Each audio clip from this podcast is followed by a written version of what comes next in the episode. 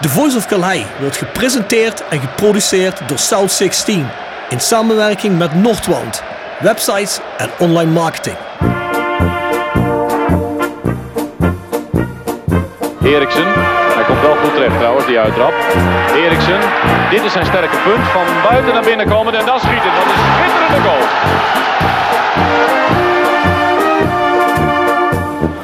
Hansen. Hansen nog steeds. En hij zit erin ook zeg, Van Rempel.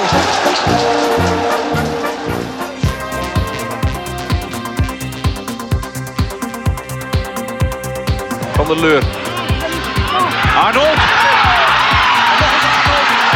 Over de lijn, het is 1-1 of niet? Het is 1-1. Graham Arnold toch weer. De Australische tank. Let op Hansma. En dan is het Sivon die die bal teruglegt op Van der Leur. Hij ramt 3-1 binnen in de 49ste minuut. En dan is de wedstrijd verlopen. toch al zo lang in de club zitten en door samen in geëerd werden. Daar hebben we niet voor gedaan, maar dat is zo gekomen is. Dat deed mij persoonlijk en ook aan het Hendricks enorm. Nu geven, Hadoui als hij rustig blijft. Hij blijft rustig, Roda op 3-1. Ja, dat kon niet uitblijven.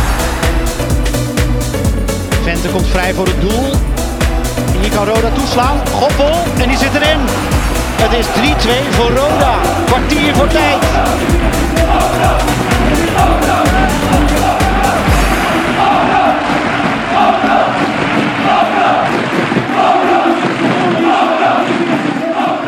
Dit is Hans Huisma en u luistert naar The Voice of Calais.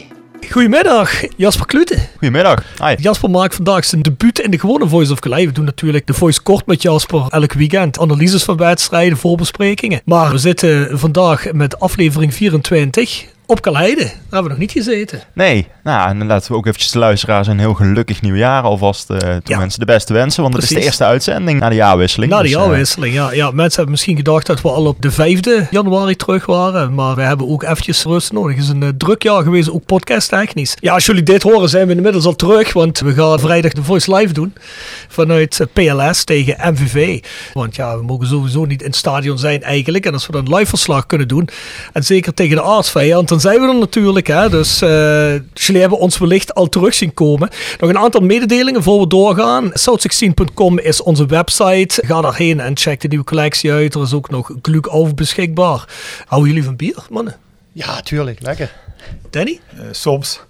Soms een biertje. Soms, op zijn Nou, tijd. Kom op Colleiden voor de jeugdopleiding een paar glucofjes langsbrengen. Hè, dat de mannen ook wat te drinken hebben. Ik ben zeker dat ze dat sowieso wel hebben, maar dat moeten ze natuurlijk ook proeven. Nou, wij zijn RodaC.nl. Dat is een van de grootste Roda fansites. Hè. Die kiezen ook weer de man of the match vanaf de 70ste minuut. Ja, we kregen van Joris Peters de vraag waarom vanaf de 70ste minuut. Dan kun je eigenlijk nog niet beslissen wie de man van de wedstrijd is. Want stel je voor, dan maakt die met een hat tussen de 71ste en 90ste minuut. Ja, dat is een beetje een trend. Hè. Je ziet ook bij ESPN, dan kun je de man van de wedstrijd vanaf de 75ste minuut kun je die volgens mij aangeven. Dus ja, laten we eventjes meegaan met die trend. Maar ja, weet je, normaal gesproken is een wedstrijd wel rond 70, 75ste minuut al eh, dusdanig eh, beslist dat je wel iemand kan aanwijzen, lijkt me. denk je dat? Ik denk het wel, meestal wel. Er zijn zo? natuurlijk momenten dat het niet zo is, maar ja, 9 van de 10 keer wel. weet, dat weet ik niet. Dat is een Formule 1 toch ook niet? Dan zie je altijd... eh, Ja, nee, ja, dat hebben we natuurlijk nu net van de rit zie je al... eh, Ja. Kan kiezen voor de... Je weet niet Ja. wie gewonnen heeft. Ja, nee, precies. dat, dat, dat kan nog veel veranderen. Ik denk dat Roel ook wel een paar voorbeelden van je heeft. Hoe in de laatste 20 minuten een wedstrijd nog beslist zou kunnen worden. Nee, ik geloof het graag. Hier zit een Ja, ervaringsdeskundige. in Duitsland dus, kun je dat eh, eigenlijk niet doen. nee, nee. Dan moet je echt tot de laatste minuut wachten. Dus Ja. wij horen ook niet, geloof ik, toch? Nee, nee, nee, nee, ja. Ja. Danny. Ja, dit jaar al helemaal Je slaat niet, de spijker op de zere kop, denk ik. Op dit moment is het niet heel erg positief, Roda. Nee, maar goed, de eh, laatste eh, minuut eh, kan nog wel veel gebeuren. Dat bedoel je? Nee, dat weet ik. Dat is de laatste seizoenshelft. En ook eigenlijk vorig seizoen een paar keer heel Ja. slecht uitgepakt voor ons. En niet echt pro ons. Soms wel, hè. Tegen Telstra. Ja, het zeker. seizoen. Nou, het is vooral jammer dat we aan het begin van het seizoen dachten dat dat eigenlijk weg was. Er is eigenlijk een fase eh, inderdaad geweest waar we die voorsprong dan, eh, zeker als het de minimale voorsprong Mhm. hebben, één doelpunt is, dat dat we die wel konden vasthouden. Daarnaast weer even een paar keer fout gegaan. Ik denk, als je inderdaad die punten erbij optelt, ja, dan sta je gewoon een paar plaatsen hoger. En dat is is dit- zonde. Is dit seizoen ook wel gebeurd een paar keer, hè? Ja, dit seizoen ook. Vorig seizoen natuurlijk ook. Maar volgens mij is het een tijdje wel weg geweest. Inderdaad, wat jullie net zeiden. Mhm. Rond de fase Telstar. eh, waar je die voorsprong wel kon vasthouden. En ja, de laatste ja, de laatste maand, twee maanden is dat eh, helaas weer niet zo. En uh, Ja. ja. zonde, want als je die punten erbij optelt, ja, dan sta je gewoon, eh, denk drie, vier plaatsen hoger. Ja, zeker wat ik bizar vond die laatste wedstrijd voor de winterstop tegen Eindhoven. Dat je eigenlijk twee minuten hebt om een voorsprong te verdedigen en dat dat niet eens eh, lukt. Ja, kijk, dat mag natuurlijk eigenlijk nooit gebeuren. Eh, ja, zeg altijd in het voetbal, het mag nooit Ja. gebeuren en toch gebeurt het dan. Eh, ja, dat is natuurlijk doodzonde. En eh, zeker net voor de winterstop, waar je even een rustperiode hebt. Niet zo heel lang trouwens, maar eh, een hele korte Ja. rustperiode. Ja, dan ga je toch lekker erin als je gewoon die drie punten pakt. Ja, want je had er ook drie kunnen winnen op een rij. Als je die had gewonnen. Dan Ja, had je eh, Den Bosch. Ja, klopt. Kijk, wat ja, dan was had je een er serie neergezet. Had je er drie eh. gewonnen, ja. ja. Ja, goed, het is niet gebeurd. Die gaan we op dit moment niet dood analyseren, in ieder geval. Ik zeg, ga dan bij rodec.nl stemmen op de man van de wedstrijd. Ja. Als je dat wil. Ik zou dat zeker vrijdag doen. We beginnen volgens mij vrijdag pas om 9 uur, hè? Dat is vrij laat. Ik heb wel gehoord dat die live wordt uitgezonden. Dat is die al trouwens op dit moment, maar goed. Nou, Spotify, iTunes, Soundcloud, overal waar je podcast kunt streamen en kunt downloaden, kun je ook The Voice of Calais vinden. Dus ik zou zeggen, ga erheen. Abonneer je, volg ons, klik het belletje aan, zodat je telkens een notificatie krijgt op het moment dat die uit is. Normaal gezien is dat op de woensdagmorgen. Hè. En dan hebben we ook nog de Voice Kort met nabesprekingen op petje.af, schuine streep naar voren, de Voice of Calais. En ik was net heel even bij het Rode Museum. En de jongens zeiden van, noem ons eens wat vaker in de podcast. Want het Rode Museum is natuurlijk afgelopen jaar niet altijd open geweest. Ook lijden onder de coronaregulaties natuurlijk. Maar, zo gauw ze open kunnen, ga daar kijken. Ik heb gezien, is weer een stukje uitgebreid, is schitterend. Er staan allerlei pokaals. Er staat een KVB-beker, er Ja. staat een DSM Cup, een Limburg Cup. Dus eh, dat is best mooi. Zijn jullie al eens geweest, Roel? En Danny? Nee, ik, ook niet. Ik ben er nog niet geweest. is een kerkrade centrum, moet je eigenlijk een keertje langs gaan. Dat is klein maar fijn. Daar zitten ook jongens aan verbonden zoals Pascal Geurts en Ivo Kous. Die alle videomateriaal en allerlei eh, archiefkennis hebben van Roda. Dat is heel erg interessant. Ja, de shirtverzamelaars natuurlijk. Hè. Dave Hanneman en Rick Engelenburg, volgens mij zijn dat. Ja, Twee. die hebben van alles hebben die daar eh, hangen. Moet je maar eens gaan kijken. Roel, als je nog Ja. ooit een shirtje over hebt, je collectie, waar je denkt dat mag rustig naar het museum. Dat- Die jongens zijn er super blij mee. Ik, eh, Hoe lang dan? ik zal even de, op zolder gaan eh, snuffelen. Ja, ja, moet je maar eens doen. Moet je maar eens doen. Ja. Ik weet niet of ze alleen hebben trouwens, eh, of er alleen hangt. Dat weet ik niet. Ik heb geen idee. Ik ben er gaan kijken. Volgens mij nog niet, dacht ik. Oké. Heb je specifiek voor Roel Brouwers gekeken? Nee, eh, maar ik, je ziet daar wel andere shirts van, eh, bijvoorbeeld van spelers die bij Roda gespeeld hebben en die dan naar een andere club zijn gegaan. Oh, je Die bedoelt hebben daar misschien ook een Borussia shirts. Ja, dat bijvoorbeeld. Zou, zou wel mooi zijn, denk ik. Ja, Ja. ja. zoiets doen ze ook. Dat Ja, wel van Suriname, van eh Regilio Vrede hangt er ook een. Oh ja, heb is ik ook zo? gezien. Ja, is ook eh, ja, echt chic. Ja. Cool. Nou, dat heb ik niet gezien. Ja. Nou ja, goed. Jullie horen alles veel interessanter te zien. Ga erheen. Vers gebrande pinda's. Wordt gepresenteerd door Hotel Restaurant de Veilerhof. Boek een overnachting of ga heerlijk eten in het mooie bergdorpje Veilen. Voor boekingen ga naar www.veilerhof.nl. En door Rapi Autodemontage aan de Locht 70. Voor al uw auto-onderdelen en het betere sloopwerk. Al 40 jaar een begrip in Kerkrade. Tevens gesteund door Fandom Merchandising. Jouw ontwerper en leverancier van eigen sjaals, wimpels en andere merchandising. Voor sportclubs, carnavalsverenigingen en bedrijven. Al jarenlang vaste partner van de Rode JC Fanshop. Check onze site voor de mogelijkheden. www.fandom.nl De prijsvraag van de vorige keer. We hadden gevraagd, nou, wie was de laatste doelpuntenmaker op Kaleide ooit? Iemand van jullie dat toevallig? Dan zou ik een gok moeten doen, maar ik weet het niet. Dat is in geval geen Rode. Nee, dan weet ik hem sowieso niet. Nee, geen idee. Nee, het was Barry Opdam van eh AZ67. Waar heette volgens mij nog AZ67 toen, hè? Of niet? Volgens Weet je mij, wel AZ Alkmaar? ja, dat weet ik niet. Was het 99 of 2000? Ja, het was het laatste jaar hier. Ja, hè, was ik dus, één, eh, dus dat oh, was eh, lastig. eh, kijk, dan, dan weet jij er al helemaal niet vanaf. In ieder geval, Michiel Dumont wist het wel, dus die wint de prijs. En dan gaan we tickets voor het Mijn Museum heen. Dat is op dit moment ook helaas gesloten, maar dat zal ook weer open gaan. Dan kun je erheen. Charles van Fandom.nl. Dus Michiel Dumont die wint hem. De volgende prijsvraag. Nou, in welke officiële wedstrijd in het lopend seizoen stonden er de meeste spelers uit eigen kweek de basis? Nou, was er één, waren er twee, waren er drie, weet ik niet. Moet wel een officiële wedstrijd zijn, geen oefenwedstrijd. Raad maar. En er zijn er wel prijzen te winnen, onder andere weer tickets voor het museum, Fandom.nl. Stuur hem in. Nou, ons mailadres is thevoiceofcalais@south16.com. Daar kun je ook trouwens je vragen en andere opmerkingen heen sturen. Heb jij een tip van de week? Tip van de week. Gepresenteerd door Jegers Advocaten. Ruist de Berenbroeklaan 12 in Heerlen. Hart voor weinig, nooit chagrijnig. www.jegersadvocaten.nl En Nextdoor Kapsalon, Nagel en Beauty Salon op de locht 44A8 te Kerkrade. En Roda Support. Supporter van Werk, de uitzendorganisatie rondom Rode JC waarbij de koempelmentaliteit centraal staat. Roda Support brengt werkgevers en werknemers met een hart voor Roda samen. Ben je op zoek naar talent of leuk werk in de regio?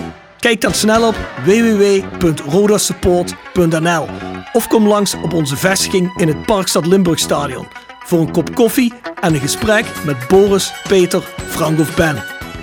Een tip van de week. Nee, ik heb eigenlijk tijdens de kerstdagen en eh, voorbereiding op nieuwjaar niet zo heel veel eh, tv gekeken, moet ik je bekennen. Dat Dus, hoeft geen tv te zijn. ja, Netflix ook niet. Dus eh, ik hou dan eventjes een Netflix pauze altijd. Eventjes lekker met de familie. Dus nee, ik heb geen tip eh, deze Ja, ik keer. heb een tip voor jullie. De, de Spreekkamer, dat is de podcast van onze presentator Jasper. Dankjewel, dankjewel. Die doet nog een podcast erbij. En leg zelf even in twee regels uit wat die als thema heeft. Ja, de spreekkamer heeft als thema de achtergrond van een voetballer. Wat gaat er door hem heen bij bepaalde momenten in zijn carrière? Dus ook voornamelijk mentale problemen. Hoe gaat iemand mentaal om met tegenslagen, met successen? Hoe vormt dat hem als voetballer? Maar ook een andere sporter kan daarin zitten. We hebben bijvoorbeeld ook Stefan Groothuis erin gehad. Een schaatser. Die is eh, meermaals natuurlijk eh, ook kampioen geworden. Nederlands kampioen, ook Olympisch kampioen. En we kijken een beetje in zijn gedachten. Hoe gaat het met hem? En waar is hij tegenaan gelopen in zijn carrière? Misschien is Lewis Hamilton ook wel een leuke... eh, Ja, ja, ja, daar heb ik ook weer een aantal grapjes van gezien deze week. Met Happy New Year en dan staat er 2-0, 2-2 en dan staat er al een hoofdje van Hamilton staat er drie keer in. Ja, maar Als, als je het hebt over ja, met druk omgaan. En inderdaad, heeft natuurlijk het kampioenschap eh, ja, niet verspeeld, maar verloren in de laatste, laatste race. eh, en op een gegeven moment hoor je niks meer van hem. Ja. Ja. wat er dan in zijn hoofd omgaat, eh, ja, als je daar dan over hebt, is dat denk ik wel heel erg Het interessant. is sowieso eh, iets waarin we nog hopen daar nog heel wat interessante gasten aan te kunnen binden. Ik zou iedereen er wel tot eh, willen oproepen om een keer te luisteren. Met Ja. Paulussen gehad deze week, vorige Ja. week. Dus, ja, die heb ik geluisterd. Ja, ja. klopt. Ja. Hebben jullie dat trouwens hier op de academie veel mee? Dat jullie eh, jongens mentaal moeten steunen? Of hebben jullie zoiets van, dat komen we niet zo vaak? Of bij het eerste zitten er veel jongens bij die mentaal ergens tegenaan eh, hinken? Nou goed, ik denk bij de jeugd, eh, we hebben het in de vorige podcast ook over gehad, dat het wel een ondergeschoven kindje is in, de, Mhm. in, de, in het voetbal en ook in de opleiding. En tot daarvoor heb ik volgens mij ook een speler genoemd wat daar, eh, eh, een talentvolle jongen, wat eigenlijk onderdoor is gegaan. Ehm, of onderdoor in ieder geval gestopt is bij Roda toen hij bij het eerste zat en bij de amateurs ging spelen. En eh, ja, dat zie, je, dat zie je nog altijd. Ik denk dat er heel veel jongens, vooral op het moment dat ze talentvol zijn, doorgeschoven worden, alles gaat dan voor de wind. En dan komen ze bij het eerste elftal of ze mogen aanhaken. Ja goed, en dan valt het tegen of het lukt niet meteen. Of hè, natuurlijk is het een grote stap. En ja, hoe gaan ze daarmee om? Ja, en dat is ook denk ik de, de belangrijke eh, eh, taak van, eh, van, van ja, wat hier zit. En ook, en ik kom misschien nog later op terug, op, het, op de aanstelling eh, of de betrokkenheid bij de academie van, van Rick Plum. Ja, dat was ook een reden om hem erbij te halen. Om die jongens daartussenin die stap, om, dat, ja, om ze daarin te helpen. Bij het eerste komen jullie er ook veel tegen. Nou, ik denk dat dat in de gehele voetballerij, eh, je hebt toch met een bepaalde druk te maken. En ja, die heb ik zelf ook gehad. Eh, ja, de een gaat er anders mee om dan de ander. En ja, er zijn denk ik genoeg voorbeelden te noemen eh, ja, van mensen die daar aan onderdoor zijn gegaan. En ja, dan merk je wel dat het natuurlijk, en zeker nu met de social media, kijk vroeger had je een krant en dat was het eigenlijk. Mhm. Maar nu, ja, zo'n wedstrijd die wordt eh, over alle kanalen uitbelicht en elke speler individueel. eh, ja, en als het dan een paar weken niet zo goed gaat en je leest wat negatieve dingen, ja, dan, eh, ja, dan is het denk ik wel logisch dat spelers ook misschien aan zichzelf gaan twijfelen. Dus ik denk dat de druk door de jaren heen alleen maar meer is geworden voor de, voor de voetballer. En ja, ik denk dat er genoeg voorbeelden zijn van mensen ja, die daar aan onderdoor zijn gegaan. Heb je dit seizoen veel van dat soort gesprekken moeten voeren of valt dat best mee? Nee, dat valt best mee. Eh, dit seizoen moet ik zeggen, ja, de sfeer is goed. We hebben natuurlijk ook denk ik afgelopen seizoen de play-offs gehaald. Uh, tegen de Graafschap natuurlijk een fantastische wedstrijd gehad. Uiteindelijk helaas eh, niet doorgekomen. Maar ja, ik denk als je het seizoen bekijkt was het gewoon een, een goed seizoen van ons. Dus ja, dan maakt het alles ook iets makkelijker. Ja, nu zijn we denk ik op de goede weg. Natuurlijk hier en daar hadden we iets meer punten moeten pakken. Maar ja, de sfeer is prima, dus ja, dan heb je er ook niet zo heel snel mee te maken. Ik denk dat het vooral ook gaat als dan de fase wat minder gaat, dat dan spelers eh, een beetje Ja. doorheen vallen. Ja, want ook met bankspelers lijkt me dat wel een interessante. Hè? Van hoe hou je die tevreden, hoe hou je die scherp? Zeker op het moment als die jong teams niet kunnen spelen vanwege corona. Ja, dan moeten ze zichzelf eigenlijk fit zien te houden, Ja. lijkt me. Hoe, ja, hoe doe je ja, dat dan? kijk, dat is natuurlijk denk ik wel de grote kracht van elke trainer om eh, niet de eerste elf, want die zijn meestal wel altijd wel Mhm. tevreden, die spelen, dus die Precies. doen hun ding wel. Maar inderdaad, om ook diegene daarachter in ieder geval eh, mentaal goed te houden, maar ook, eh, ja, wat je zegt, conditioneel Mhm. fit te houden. En En te zorgen dat die in ieder geval erbij blijven en niet gaan afhaken. En dat is denk ik wel uh, een van de belangrijkste dingen van een trainer. Om iedereen Ja. tevreden te houden en eh, zorgen dat, eh, dat iedereen ook eh, fit is als ze moeten spelen. Dat als uitgebreide tip van de week. Dus de spreekkamer van Jasper Klute. Daar vind je ook trouwens op Spotify en dergelijke. Dus ga checken. Ja, we zitten hier met twee mannen uit het technisch gedeelte van Roda. Eén keer met Roel Brouwers, co-trainer van het eerste elftal, hè? Ja. Zeg ik toch goed, hè? Ja, klopt. ik wil Ja, zeggen. ja. En Danny Volkers, jeugdcoördinator van Roda JC. Ja, jeugdhoofdopleidingen noemen het, eh, de naam. Heet dat officieel zo? Oké, Officieel is het hoofdjeugdopleiding. zeg ik met coördinator iets heel fout? Of Nee, valt dat best mee? Nee, nee, Oké. Ik wil zeggen, ik wil je niet voor het hoofd stoten, Nee. Dus, nee, ja, we hebben Danny hier natuurlijk al eens een keer gehad. Wat zei je ook alweer vorig jaar oktober of wanneer was het? Oktober, ja. Ik denk gisteren om goed voor te bereiden. Ik denk dan kijk hem of uh, kijk hem, uh, luister hem nog eens goed na gisteren. En dan uh, ja, bleek dat in oktober te zijn. Ja, net, uh, net rondom de, de coronastop destijds. Dus dat uh, is nu ja, een dikke jaar, drie maanden geleden, twee ja, maanden maand geleden. of 15 geleden denk ik Ja. in totaal. Ja. Ja. Nou, volgens mij zijn er best wel wat dingen gebeurd. Ik heb het hier ook als eerste vraag staan. Danny, wat is er ondertussen veranderd? Jij zei zelf, ik heb nog eens teruggeluisterd wat ik toen heb gezegd, wat we toen over hebben gehad. Wat is er veranderd ondertussen? Nou, veel. Ik, ik, ik heb, wat, wat we toen over gehad hebben, zonder dat het belangrijk was dat er een, een goede accommodatie kwam. in ieder geval dat er twee nieuwe velden waren of uh, komen. Uh, nou, die zijn er inmiddels, zoals je kunt zien hier achter me. Is mooi geworden, hè? Ja, ja, dat is fantastisch. Dus dat was een belangrijke stap voor de academie om weer hier terug te komen. alle jeugdteams trainen en spelen weer hier. Ja, er is weer bedrijvigheid op zaterdag, dus dat is weer, denk ik, de belangrijkste stap. We hebben een stap gemaakt in, in de staf, met, het, met het terughalen van een aantal ja, ex-Roda-spelers. René Tros is aan de academie verbonden. Rick Plum is aan de academie verbonden. Dus dat zijn stappen wat we gemaakt hebben uh, de afgelopen maanden. Uh, we hebben een samenwerking met het CIOS, uh, met de opleiding CIOS en de academie. Een samenwerking, dus dat is nieuw. we zijn nu de krachtruimte aan het verbouwen. Dus die wordt eigenlijk professioneler samen met Stofberg. We hebben terug in ieder geval een busvervoer vanuit school CIOS naar uh, Kaalheide.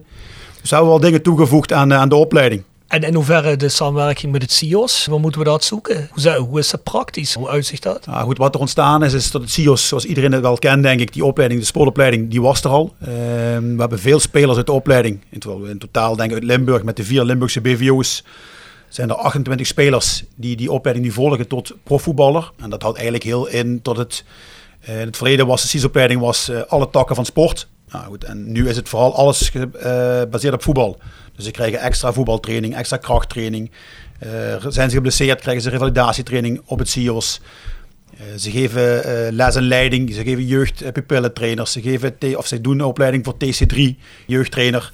Dus ze doen eigenlijk allemaal opleidingen rondom het CIO's wat betrekking hebben op het, op het voetbalgebeuren. Ze zijn iedere dag op het CIO's met voetbal bezig. Ja, wat vroeger, uit mijn tijd, maar ja goed, dat mag misschien geen graadmeter zijn, ik ben inmiddels 50. Het moment dat ik in opleiding ging ergens, uh, dat was voor Engels docent toen, was het CIO's eigenlijk, ja dan werd je gymleraar. Dus ik weet niet, uh, dat heeft zich over de jaren dus duidelijk ontwikkeld naar allerlei uh, andere richtingen. Ja goed, ik heb zelf CIO's gedaan, lange tijd geleden. En, ja, correct me if I'm wrong, hè, Danny. Dus, nee, nee, want nee. dat is zo, zo ik het altijd dacht dat het was. Nee, dus ja, gymleraar. Ik heb toen die richting uh, vormingswerk, dat was uh, sportinstructeur in, in, in, het leger of in de jeugdzorg. Ja. Ik heb dus in de jeugdzorg gewerkt als sportinstructeur. Uh, je kunt ook in de gezondheidszorg, in de gehandicaptenzorg, ja, verschillende takken. Alleen, het was heel breed. En nu heb je ja. gezegd, voor die jongens willen een specifieke opleiding tot profvoetballer. Dus we willen ze meer uren laten bezig zijn met, met voetbal. Is dat iets wat door de BVO's in Limburg geïnitieerd is bij het CIO's? Dus is dat op jullie aangepast? Of zei het CIO's, dit gaan we aanbieden, hier kunnen jullie gebruik van maken? Nou, het komt eigenlijk uit, uit Ajax, die hebben dat, uh, die hebben dat ook. Uh, mm. En daar hebben we het eigenlijk van gekopieerd. Uh, dus we hebben dan gezorgd, samenwerking gezocht met Fortuna, MVV en VVV. We moesten wel een klas vol krijgen, omdat het dan mm. ook financieel rendabel was voor het CIO's. Maar het kost de club verder geen enkele euro. dus er moesten 28 spelers zijn wat mee wilden doen. En dat is, uiteindelijk is het ook gelukt. Merk je ook dat dat zijn vruchten afwerpt op die manier? Ja, het is nu kort, het is net begonnen. Ze lopen ook stage, bijvoorbeeld bij de, bij, op vrijdag zijn ze niet op school, dan zijn ze heel dag op de club. En dan lopen de jongens ook stage eh, bij ons in de, in de, in de academie. Ze, ze fluiten jeugdwedstrijden, ze geven training aan de onder 11, techniektraining. Maar ze doen ook uh, jongens wat op, bijvoorbeeld bij thuiswedstrijden de catering verzorgen, wat meelopen. Ze lopen mee met, met de treinmannen om het veld te onderhouden. Dus dat ze alle facetten mm. binnen een opleiding uh, meekrijgen. Dat is wel interessant. En ze zijn nu bezig met wat ze echt willen. En ze hoeven geen, geen zwemles en geen atletiek en geen badminton te doen, maar alleen maar voetballen, trainen. eh, ja, en dat is wat ze, wat ze graag willen. Dus dan kan die jongens ook vinden een bier gaan halen de omloop bij de catering soms, of niet? Ja, dat kan. Ja, ja. Of bij de kroketten of bij de, bij de, bij de bitterballen. Ja, ja ook. Ja. Ja, wie weet. Ja, luister, je ziet dan wel alle aspecten natuurlijk ervan. Nee, maar alle gekken op het stokje. Nou, het is wel goed dat dat dan natuurlijk is als je dat zo kunt optimaliseren. Hè? Ja. Ja. En ze kunnen gewoon hun, ze halen uiteindelijk gewoon hun, eh, hun diploma, diploma zoals anderen dat ook halen. Dus het is geen verder, het is gewoon niveau, eh, niveau drie opleidingen, Ja. of vier opleidingen uiteindelijk, wat ze, wat ze, wat ze behalen. Maar Ja. het werkt ook als een, als een stok achter de deur, denk ik ook wel. Ja, en toch het CIO staat ook wel bekend, toch als het, als het eh, qua norm en waarde gaat, discipline. Ja, dus dat is wel, wel mooi Ja. meegenomen. Ja, absoluut. En op het moment is ook zo, als jongens hier uitstromen, dan stromen ze ook uit die opleiding tot profvoetballer uit. Ja. Maar Ja. ze kunnen dan wel gewoon instromen in het reguliere CIO's weer. Dus Ja. ze gaan niet jaren weggooien. Dus het is wel allemaal eh, heel goed afgekaderd. Hey, we gaan heel eventjes naar een thema richting doorstroom naar het eerste. Want we zitten hier ook met Roel. En Roel die, die heeft niet zo enorm veel tijd vandaag. Dus gaan we meteen even op dat thema over. Sinds dit seizoen bemoeit Jurgen Streppel. Nou, we begrepen hebben zich ook veel meer met wat er gebeurt hier op Kalheide. Hoe uitzicht dat naar het eerste toe? Dus kortom, is er meer doorstroom? Is er meer coördinatie? Of ten opzichte van anderhalf jaar geleden? Of hoe heeft zich dat ontwikkeld over de tijd? Nou ja, ik denk dat, eh, dat het natuurlijk ook pas sinds kort, dus nu een aantal maanden dan, dat, eh, dat Jeffrey weg is en dat eh, Jurgen inderdaad dat hele pakket zeg maar nu doet. Daardoor is hij denk ik ook vaker hier om te kijken inderdaad met de jeugdopleiding met Danny hoe, hoe dat verder gaat. Ja, heeft dat nu al rendement in dat er meer jeugdspelers, ja natuurlijk zo kort dag om is lastig om te zeggen. Maar ja, kijk, eh, we zitten nu bij, ja, bij Rode, we hebben niet heel veel mogelijkheden financieel. De, zowel vorig seizoen als ook dit seizoen zijn er in, eh, in de voorbereiding heel veel jeugdspelers eh, gestart bij het eerste elftal. Eh, om te kijken ja, waar wij denken talent in te zien eh, om aan te haken bij één. Eh, dus vorig jaar bijvoorbeeld eh, ja, Benjamin uh, Bouchouari ook, in dat traject ingegaan. En Mhm. uiteindelijk heeft hij zich natuurlijk fantastisch ontwikkeld. Jamie Vijgen is vorig jaar begonnen in dat traject. afgelopen seizoen een amateurcontract getekend. En dit seizoen zijn weer een aantal jonge jongens in de voorbereiding er bij, bij het eerste elftal begonnen. En eh, ja, ik heb bijvoorbeeld een uh, ja, Dylon Livramento die eh, in de beker gespeeld heeft tegen Den Bosch. Ook nog een doelpunt maken, natuurlijk Ja. hartstikke mooi. Maar er zijn nog een aantal die, die geregeld aan meetrainen. Fabio Sposito, Quinten Becks, die, ja, die nu meetrainen. En dat is alleen maar goed voor de jongens. En dat- biedt ook, denk ik, naar die andere spelers die dat nu nog niet hebben, wel het idee van... Hey, als ik hard werk, mijn best doe en eh, goed presteer, dan kan ik die mogelijkheid ook krijgen. En, eh, dus ja, daar willen we uiteindelijk wel naartoe natuurlijk. eh, dat je zoveel mogelijk jeugdspelers eh, ook in het eerste kan inpassen. In hoeverre merk je die transitie die Streppel gemaakt heeft, hè, van trainer naar die dubbelfunctie die hij nu bekleedt? Zie je dat hier gaat hij ook naar Kalheide toe om bepaalde trainingen te bekijken? Hoe is het veranderd ten opzichte van de oude situatie van vorig jaar dat hij alleen trainer was? Ja, kijk, als hoofdtrainer ben je natuurlijk ook wel betrokken bij de jeugd. Mhm. Alleen ja, nu is het natuurlijk nog meer, omdat hij ook natuurlijk nu vaker met Danny samen zit om te kijken hoe, eh, ja, hoe we in de jeugdopleiding ook verder willen gaan. Kijk, de, de, inderdaad wat Danny net zei, de eerste stappen zijn gemaakt ten opzichte van vorig jaar. De nieuwe trainingsvelden, je hebt gewoon één accommodatie voor de hele jeugd. Dat is denk ik al een hele grote stap vooruit. En ja, nu willen we kijken hoe we daar steeds verder in kunnen. En ja, daar is natuurlijk nu eh, de rol van Jurgen nog groter in dan voorheen. Je noemt net een aantal talenten die al meetrainen. Is dat puur op basis van alleen maar erin ruiken op een moment en proberen met het eh, level mee te kunnen komen? Of is het ook de bedoeling dat die jongens bijvoorbeeld in de loop van het seizoen nog ingezet gaan worden? Nou ja, die, eh, die jongens die krijgen de, de mogelijkheid dat wij iets, iets in ze zien natuurlijk. Eh, we zien daar talent in waar we denken van hey, die kunnen misschien aanhaken.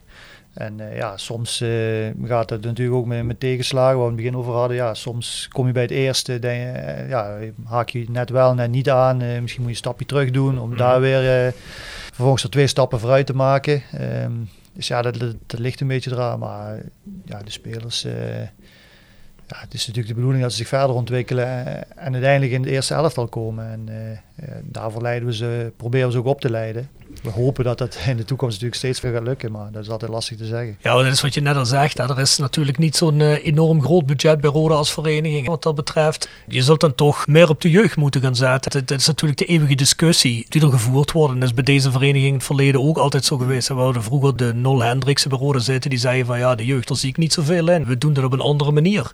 En dan komen er wel mensen die zeggen, ah nee, we zien toch iets in de jeugd. En zo blijft dat maar altijd schommelen. Maar volgens mij wordt de jeugd op een moment bij of sinds een aantal jaar toch een stuk serieuzer genomen, denk ik. Ja, dat, denk ik wel. Ik, eh, ja, ik ben natuurlijk zelf een eh, exponent uit de jeugd hier. Ja, ja, ja Dus uh, ja, ik, uh, ik vind het alleen maar mooi als spelers uit de jeugd doorbreken. En, uh, maar je weet ook, in jouw tijd waren er ook niet heel veel jongens die doorbraken. Hè? Nee, ja, je had het net natuurlijk over Nol Hendricks. En ik ben inderdaad in de tijd dat, dat Nol nog hier was doorgebroken. Uiteindelijk ben ik na een aantal jaar in de selectie wel weggegaan. Omdat ik hier eigenlijk niet aan mijn speelminuten zou komen. Mm. Maar ik heb wel mijn eerste stap in het profvoetbal hier gemaakt. Dus uh, ja. Nou, je bent toch niet helemaal slecht terechtgekomen hoor. Nee, nee, nee. Uiteindelijk denk ik een hele mooie carrière gehad. En uh, ja, misschien ben ik wel uh, het grootste voorbeeld voor, voor de jeugd. als je het hebt over, ja, ja het je altijd raar om over jezelf te zeggen. Ik was denk ik voetballen niet de beste. ik moest hebben van hard werken en ja, zo, zodoende heb ik mezelf uh, elke training uh, proberen te blijven ontwikkelen. Elke training zien als een finale en je, en je best doen. En, en dat is wat, wat ik ook als trainer zeg maar, aan de jeugd wil meegeven. Ja, je moet gewoon keihard werken. Elke dag proberen stapjes te maken. Ook buiten de trainingen daar, daar goed mee omgaan, professioneel mee mhm. omgaan. En dan kan eigenlijk iedereen profvoetballer worden als je het zo bekijkt. Ja, want laten we heel eerlijk zijn. Er zijn ook nou jongens die spelen in clubs die Champions League spelen. En dan wil ik niet zeggen, daar zit iedereen op een bepaald niveau natuurlijk. Hè. Het is niet zo dat daar houthakkers zitten die dan... Maar er zitten wel soms jongens bij die tegen het houthakkerachtige aanzitten, maar die puur op mentaliteit en puur op hun inzet wel dat kunnen bereiken. Het zijn inderdaad niet altijd de beste voetballers die je uiteindelijk halen. Ik denk, uh, je, je, moet daar een goede mix in hebben. En ja, je moet natuurlijk, natuurlijk moet je een bal kunnen trappen, dat, dat is logisch. Maar, ja, dat bedoel ik. Ja, qua mentaliteit ja, zijn het inderdaad niet altijd de beste die het halen. En als je daar gewoon goed bent, aan jezelf wil werken... Uh, elke training uh, gas geeft, uh, ja, dan, dan kun je heel ver komen. En, ja. dan hoef je niet de beste voetballer in de jeugd te zijn zonder namen te doen. Maar kom je nu hier bij Roda ook wel jongens tegen waarvan je denkt van nou jij hebt zoveel talent. Je hebt eigenlijk alles om het te redden. Waar je heel duidelijk merkt hier ontbreekt mentaal iets aan. Nou ja, elke speler is natuurlijk anders. En uh, kijk, als je in de jeugd heel erg goed bent, uh, dan hoef je ook niet hard te werken om de beste te zijn. En, en soms, ja, als je niet de beste bent, moet je heel hard werken. En, ja, maar ben je niet ermee eens dat dan kun je nog zo getalenteerd zijn, maar als je op een bepaald niveau, of nee, moet het anders zeggen, als mentaal iets ontbreekt bij jou, op een gegeven moment kom je op een niveau waar je dat gaat opbreken, denk ik. Denk je niet? Ja, dat denk ik wel. Kijk, uh, ja, nu ook in de opleiding die ik doe, uh, krijg ik ook vaak, ja, weet je, je hebt natuurlijk spelers die al heel vroeg heel groot en sterk en snel zijn. En die vallen natuurlijk in, in onder 13, 14 heel erg op. En als de anderen dan ook een groeispurt krijgen, dan ja, wordt dat verschil steeds kleiner. Uh, dat valt hun voordeel weg, bedoel je? En dan valt hun voordeel eigenlijk een beetje weg ten opzichte van die anderen. En ja, dan zijn ze tenminste niet meer de beste. En ja, hoe ga je er dan mee om? En ja, dat is vaak heel erg lastig. En dat is wel een mooie van de cursus. Dan krijg je die gesprekken ook met andere trainers. En ja, dat is wel ja, interessant om, om daar met elkaar over te praten. Ja, geloof ik. Ja, want ik heb een verleden. Ja, het verleden. Ik bedoel, uh, in al die tijd dat ik voetbal volg. Er zitten soms jongens bij ja, die je dan ziet. Waarvan je denkt, die zie je voetballen. En dan hebben ze een goed jaar gehad bij een vereniging. En dan hoeft dat geen Nederlandse vereniging. Het kan ook in het buitenland zijn. Die dan volledig in de vergetelheid verdwijnen. Puur op basis van dat het metaal gewoon niet klopt. Als je kijkt naar zo'n Balotelli bijvoorbeeld. Ja, hè. Ja, zo die jongen is uitermate getalenteerd. Maar er zit gewoon iets niet goed in die jongens en mentaliteit. En ja, waar voetbalt hij ergens nu? Uh, Italië, dacht ik. Ja, maar dat niemand van ons weet bij welke club, dat zei al genoeg, denk ik. Ja, hè? ja. Mij, dus en zo heb je natuurlijk legio voorbeelden. Ik bedoel ook in de jeugd dat je voetbalt met jongens waarvan iedereen zegt in je buurt, ja die jongen die gaat, vroeger was dat dan altijd bij ons, ja die gaat naar Roda, hè, weet je wel, die gaat het ook maken bij Roda. Maar dan op een gegeven moment, je hoort er nooit meer iets van van die jongen. Die is misschien ooit naar de jeugd gegaan in die tijd. En die heeft het daar niet gered, omdat daar ook tot bij kwam kijken. Kijk, er zitten meer jongens zoals jou. Nu moet je het ook echt willen en er alles voor willen doen. En dat lukt dan niet. Ja, maar ja, dat is natuurlijk wel, eh, kijk, het merendeel redden het eigenlijk niet als profvoetbal. Er zijn er maar enkelingen uit elk elftal, als het al zo is, die het redden. Dus eh, ja, dat is eigenlijk maar ja, heel weinig uh, uit mhm. elke lichting die, die uiteindelijk doorbreken. En hoeft het misschien niet per se bij Roda te zijn, of, maar uiteindelijk ook ergens anders. Maar ja, eh, dan, dan moet je net die uitzondering zijn die, die het wel redt. En dan moet je wel uh, heel veel dingen voor doen. En inderdaad, dan moet je kunnen voetballen, maar dan moet, je, moet ook je hele leefstijl eromheen zeg maar, passen. Want ja, op een gegeven moment komen natuurlijk ook de jaren dat, uh, ja, nu met corona misschien iets anders, maar dat de, de, feestjes, de discotheek, noem maar op. Uh, ja, uh, vrienden, vriendinnetjes. En ja, dan moet je toch heel sterk in schoenen staan om puur voor de voetbal te gaan. Maar zo'n jongen die zeg maar altijd heel goed is geweest. Je altijd de beste van het team is geweest. En dan komt hij inderdaad, wat jij net zegt, in een fase dat het allemaal wat minimaliseert en naar elkaar toe groeit. Hoe hou je zo iemand dan mentaal scherp? Hoe pak je die dan eventjes apart? Dat je zegt, ja jongen, nu zul je er iets harder aan moeten werken. Ja, dat kun Is je dat natuurlijk- lastig? Ja, dat is heel lastig, want ja, je kan natuurlijk wel gesprekken voeren met zo'n speler. En eh, dat, dat, doen, we ook wel. eh. alleen uiteindelijk denk ik moet het wel uit een speler zelf komen. Kijk, je, je kan hem wel proberen te sturen, te helpen, eh, maar uiteindelijk moet een speler dat zelf doen. Ik denk, als je heel veel profvoetballers vraagt, ja, ik ook... eh, het is niet allemaal over rozen gegaan. Ik heb ook tegenslagen gehad in de jeugd. eh, ook af en toe gedacht van, ja, weet je, hè, ik stop ermee. eh. uiteindelijk ja, ben ik blijven vechten en, en door blijven gaan. En, en heb, ik het, heb ik het uiteindelijk gered. Maar Mhm. dat is ook met, met tegenslagen geweest. En daar moet je wel mee kunnen omgaan. En daar moet je eigenlijk sterker uit terugkomen. En dat is ook een kwaliteit. En daar willen we spelers zeker bij helpen als dat zo is. Ehm, maar dan moet ik voor een groot gedeelte natuurlijk uit hunzelf komen. Ja. Ja, want je, geeft net al zelf al. Ik ben een exponent uit de opleiding. Ik, ik kwam hier op een gegeven moment niet meer op de speelminuten als ik wilde. Dus heb ik gekozen toen op tijd voor Paderborn. Ja, je geeft het zelf al een beetje aan. Hè. Het is bij Roda in het verleden wel heel vaak het geval geweest dat een enkeling uit de opleiding ook daadwerkelijk heel veel minuten ging maken hier. Hè. Ja.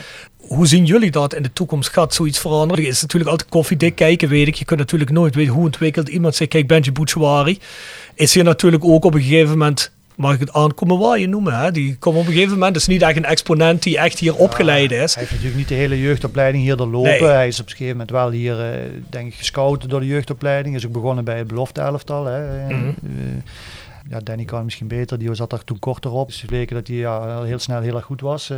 en zoals ik net al zei, is hij toen vorig jaar bij de selectie begonnen mee te trainen. En eh, ja, toen heeft hij zich fantastisch ontwikkeld en eh, een hele goede indruk gemaakt. En ja, uiteindelijk is hij, is hij gewoon basisspeler. En heeft hij inmiddels al, eh, ik weet niet, 30, eh, 40 wedstrijden En Maar Benji is eigenlijk wat dat betreft natuurlijk dan een beetje een uitzondering. Want we hebben heel lang bij Roda niemand gezien die heel lang eigenlijk basis gespeeld heeft vanuit de jeugd. Hè? Of het constant minuten maakt Ja, ja. eigenlijk. Hè?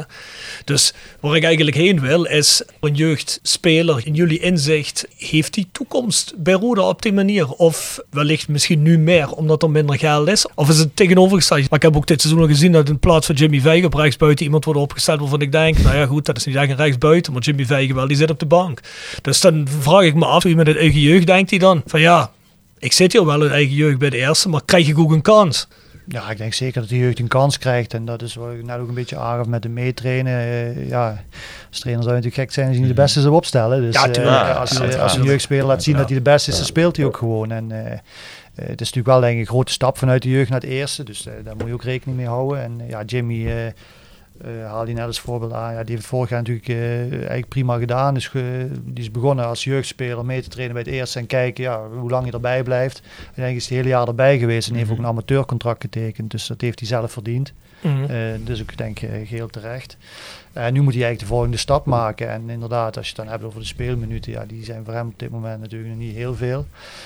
Die stap moet hij nou gaan maken. Zorgen dat, dat hij inderdaad de meer speelminuten gaat krijgen. En ja, dat is nu zijn doel eh, om dat te gaan bereiken. Een veel gehoorde kritiek in het supportersgebeuren is helemaal niks tegen die jongen, want kan die jongen zelf niks aan doen. Maar als mensen zien dat zo'n seintje erbij gehaald wordt bij de selectie, zeggen veel mensen, ja, had je voor die jongen niet beter iemand uit de jeugd kunnen doorschuiven? Want dan wordt er natuurlijk wel gezegd, de beste speler altijd, maar veel mensen vragen zich af, is er echt niet de rode jeugd die dat niet over die seintje kan aantikken? Specifiek, hè? Ook. Ja, natuurlijk is het specifiek. Ja. Maar, en ik neem nu Seintje. Misschien heeft hij gewoon minder wedstrijden gehad. Dat weet ik niet. Maar hij heeft in ieder geval nog geen indruk gemaakt dat iemand zegt van ja goed, zou dat nou iemand uit de Rode Academie niet kunnen? Denk dat eh, de Jeremy eh, eh, ook een aantal keer is ingevallen waar hij waar die het wel heel erg goed heeft gedaan. dus de, en is natuurlijk ook een speler die wel eh, eredivisie ervaring heeft en die ook meebrengt richting ons team. En ja, Jeremy is denk ik voor ons een prima speler. kijk, iedereen heeft, heeft natuurlijk zijn eigen mening erover, maar ja, hij heeft bij ons niet echt heel veel basisplaatsen gehad. Eh is vaak natuurlijk vaker ingevallen. Ja. Ja, misschien heeft hij ook iets meer eh minuten nodig om, om zijn echte niveau te halen. Maar ja, ik denk voor ons eh, niveau is, eh, is Jeremy een prima speler. Maar qua, qua leeftijd verschilt het volgens mij ook niet zo heel veel tussen Seintje en Vijgen. Hè? Want die, die zitten niet heel erg veel uit elkaar. Dus is het niet ook zo dat Seintje bijvoorbeeld, eh, dat hij zelf ook nog in zijn ontwikkeling zit. En dat best wel lastig te vergelijken is met zo iemand als Vijgen. Want mis- misschien hebben ze eigenlijk wel hetzelfde, doorlopen ze hetzelfde pad nu en probeert Seintje ook ergens op te vallen nu. Vind ik een beetje lastig om er een antwoord op te geven. Eh, kijk, hij is natuurlijk gehuurd uh, om hier meer speelminuten te gaan maken als Ja. hij bij zijn eigen club kon doen. En uh, ja, dat is natuurlijk uh, toen is nog niet heel veel geweest. Mhm. Ik durf even de leeftijd niet precies te zeggen hoe, hoeveel er tussen zit. Ja. Het is lastig om antwoord Ja. te geven. Ik denk ook dat de kritiek meer komt richting zo'n seintje. Het is niet eigenlijk op seintje gericht, op de persoon. Maar dat mensen zeggen van ja goed, kijk, zou je niet beter de tijd en de moeite kunnen investeren in een jongen die hier opgeleid is bijvoorbeeld. Ja, het is altijd uh, lastig. Iedereen heeft zijn eigen kwaliteit en Jeremy heeft zeker kwaliteiten die ons verder kunnen helpen. En uh, ja, Jimmy is natuurlijk uit de jeugd gekomen en heeft het prima gedaan. Uh, heeft in ieder geval goed kunnen aanhaken. En ja, dit seizoen ja, moet hij eigenlijk zorgen dat hij de volgende stap gaat maken. En ja, waar je net over had, ik ben zelf hier als jeugdspeler binnengekomen en er werden toen ook vaak weer andere spelers aangetrokken uh, die op mijn positie gingen spelen. Ja, precies. Uh, als je het dan hebt over Erik Addo, uh, Pamadouka, Bolizar Bodor, Marco van Hoogdalen die nog even is teruggekomen. Er werden dus altijd wel ook wel spelers gehaald voor mijn positie, waardoor ik misschien weer een stapje terug moest doen. Had jij zoiets toen in die tijd van, ja jongens, ik heb dat nou ook eigenlijk verdiend. Ik loop hier al mijn hele leven rond. Ik kan dat ook best. Ik, daar hoeft geen Erik Addo voor te komen. Ik doe dat wel. Ja, uiteindelijk heb ik toch altijd wel weer minuten gemaakt. Dus uiteindelijk kwam ik toch altijd wel weer een beetje bovendrijven. En uh, ik kwam in ieder geval aan mijn minuten. Tot op een gegeven moment... Uh... Goed, maar op een gegeven moment wil je natuurlijk ook horen ja, van zijn trainer. Hey, Roel, je gaat het serie maken in de basis niet. Ja, ik heb in drie jaar tijd uh, ongeveer 50 wedstrijden gespeeld. Dus ik was nooit echt vaste basisspeler. Dan speelde ja. ik weer vier, vijf wedstrijden. Ja. En ja, toen dus kwam ik op de bank en ik wilde gewoon een seizoen vast spelen. En dat kon toen niet in 2005. tenminste, Stevens gaf aan mij aan van ja die, uh, die minuten die, die ga je waarschijnlijk niet maken. Toen zei hij ook zelf van ja, ik denk het beter is om uh, te verhuren. En zodoende ben ik toen naar Paderborn gegaan. Maar als je dan naar jezelf kijkt en terugkijkt, zeg je dan tegen jezelf, nou ja goed, Stevens had wel gelijk, want dat gewoon mensen rondlopen die dat misschien ook beter die rol konden vervullen. Uh, dan mij als misschien nog relatief, want je hebt toch al wat tijd in het eerste gemaakt, dan een relatief onervaren jongen uit de Roda jeugd. Of had je gezegd van nou, hij had eigenlijk ook eens een keer vertrouwen moeten hebben in een Roda jeugdspeler? Nou ja, ik was uiteindelijk heel erg blij dat hij in ieder geval eerlijk was. Uh, had ik kunnen zeggen, je gaat hier minuten maken. En uiteindelijk oh. had ik misschien een jaar lang op de bank gezeten en af en toe wat speelminuten gemaakt. Dus ik was gewoon heel blij dat hij eerlijk tegen mij was. En uh, ja, zeker denken momenten van, hé, hey, uh, ik moet spelen. Ja. Maar ja, misschien waren die anderen wel beter. en in hun ogen was het waarschijnlijk ook zo. Ja. Misschien maak je zelf ook altijd iets beter dan je bent. Dus ik wilde graag spelen. ik, ik, dacht tuurlijk. dat ik het ook al kon ja, misschien was het eigenlijk niet zo. En voor mij was het een goede stap om dan weg te gaan. Mm. Uh, ja, achteraf denk ik een hele goede, goede stap geweest. Maar, dat denk ik ook. ja, maar dat weet je van tevoren ook niet. Kijk, achteraf kan ik dat heel makkelijk zeggen. Maar... Kijk, dat is natuurlijk later ook pas achteraf kijken. Dan zien ze jou presteren bij München Gladbach. En dan zeggen ze, ja, die jongen ja. had gewoon ook bij ons langer kunnen spelen. Ja, ik weet denk je wel. dat ze inderdaad de eerste twee jaar dat ik in Paderborn was, uh, er zei niemand van, uh, hij had hier ook kunnen spelen. Als je een beetje Duits voetbal volgde, tweede seizoen bij Paderborn, stond je toch volgens mij het hele seizoen in de basis. Nee, dat was ook prima. Maar ik denk dat de Duitse, de Duitse voetbal beter bij mij past dan het Nederlandse voetbal. Hm. In Nederland wordt de ja. ja, een centrale verdediger, uh, die moet buiten zijn man uitschakelen, ook nog de opbouw verzorgen, inschuiven, ja, de eindpaas geven, noem maar op. Uh, de, dat soort speler was ik niet. Ik moest mijn man uitschakelen en uh, ja, cru gezegd de bal inleveren bij degene die wel konden voetballen. En die maakte dan het spel. en ja, dat, dat past gewoon. Dat wordt in Duitsland ook veel meer gewaardeerd, denk ik. van hey, je staat er om te verdedigen, ja. je man uitschakelen. En, ja, dat, dat kon ik goed. Maar je had het net over die goede begeleiding door Stevens. Hè? We hebben natuurlijk ook een jaar gehad dat Soeren, Reemans en volgens mij Milts volgens mij heel veel speelden. En het jaar daarna kwam een nieuwe trainer. En werden die jongens eigenlijk bijna nooit meer opgesteld. Jean-Paul de Jong was dat toen. Heeft dat die jongens niet ook gewoon hartstikke beschadigd? Dat ze één jaar wel het vertrouwen kregen en het jaar daarna in één keer bijna niemand ertoe deden? Ja, natuurlijk. Als je heel veel speelt en daarna niet, dan doet dat iets met je vertrouwen. Hè. Je, hoe meer je speelt, denk ik, krijg je ook meer vertrouwen. Um, maar volgens mij hebben ze onder Jean-Paul Jong toen nog redelijk veel gespeeld. Nou, dat was toen wel significant minder dan het jaar daarvoor, volgens mij. Ja, goed, het jaar daarvoor stond je volgens mij met 7, 8 jongens uit de jeugd te voetbal. Ja. Daar sloeg eigenlijk de weegschaal helemaal naar de andere kant weer door. Hè? Ja. Naar die degradatie toen. Dat was natuurlijk ook niet echt een eerlijke graadmeter. Want als je dan met drie kwart eigenlijk van je tweede team mm. opeens eerste divisie moet gaan spelen. Ja, dat is best een opgave lijkt me. Ja, kijk, dat is natuurlijk bij VVV nu ook een beetje. Ze hebben ook heel veel jonge spelers ja, nu, nu spelen. Ja. Hè. En je ziet, dat gaat ook wel iets, uh, iets moeizamer nu. Uh, Ehm, maar voor die ontwikkeling van die jongens is het natuurlijk eh, fantastisch dat, die elke week kunnen voetballen. Ik kom natuurlijk bijna een halve eeuw bij Roda. Klinkt echt oud, hè. Maar in die 40 jaar Roda, ja, eigenlijk is het bij Roda nooit zo geweest. hè. Kijk, we hebben natuurlijk schoolvoorbeelden zoals Ajax in Nederland. Of Sparta vroeger had dat ook heel veel. Die hadden eigenlijk extreme jeugdopleidingen waar eigenlijk elk jaar een man of twee, drie doorkwamen. Daar hoeven we ons ook helemaal niet mee te vergelijken. Maar je hoopt natuurlijk steeds meer dat er toch meer structuur komt bij zo'n vereniging als Roda. Waar de jeugdopleiding misschien wat serieuzer wordt genomen. Dat het niet maar een enkeling is die eens een keer tijd maakt. Zoals een Mitchell Paulus of zoals jij vroeger. Of wat hadden we vroeger nog voor jongens? Guus Hupperts. Guus. Hupperts, ja, maar het waren altijd maar enkelingen die Ja. bepaalde jaren erdoor kwamen. Dan moest je ook nog blij zijn dat je genoeg minuten maakte. Kijk, Guus Hupperts heeft er op een gegeven moment best veel gedaan. Mitchell Paulus heeft er ook lang over gedaan minuten te maken. Roel zegt net, ik heb ook niet altijd alle minuten gemaakt die ik hoopte te kunnen gaan maken. Kijk, Daryl is natuurlijk nu, eh, die heeft wel eh, redelijk wat minuten gemaakt eh, eh, de afgelopen jaren bij Roda. voor Ja, ook een uitzondering toch, hè? Ja. Ja. Ja. Eh, Mart heeft eh, redelijk wat wedstrijden gespeeld, eh, denk ik. Ja, Mitchell toch op een gegeven moment. Dus, Ja, Mitchell zeker, ja. Ik kan me niet voorstellen dat er hier in Limburg zo weinig rondlopen kan doorbreken in de eerste van Roda. Dat kan me eigenlijk helemaal niet voorstellen. Ja, daar kan Danny ons zo meteen waarschijnlijk ook iets meer over vertellen. Dan vraag ik me dus altijd af, ligt dat dan misschien toch aan de mentaliteit van jongens hier, dat dat dan niet lukt? Het is wel vaker dat je hoort de wandelgang of dat je met mensen praat binnen de vereniging die zeggen, boah, er loopt toch een jongen rond daar bij de jeugd. Ik, boah. Ik kan me ook voorstellen dat die misschien worden weggehaald, hè Danny? Ja, goed, weet je wat het verschil is, denk ik? Als je, als je, hier wordt ook talent geboren in Limburg. Precies. Ja, uiteindelijk minder dan eh, aan de kanten van Rotterdam of Amsterdam, hè? dat is ook logisch. Maar is dat echt zo?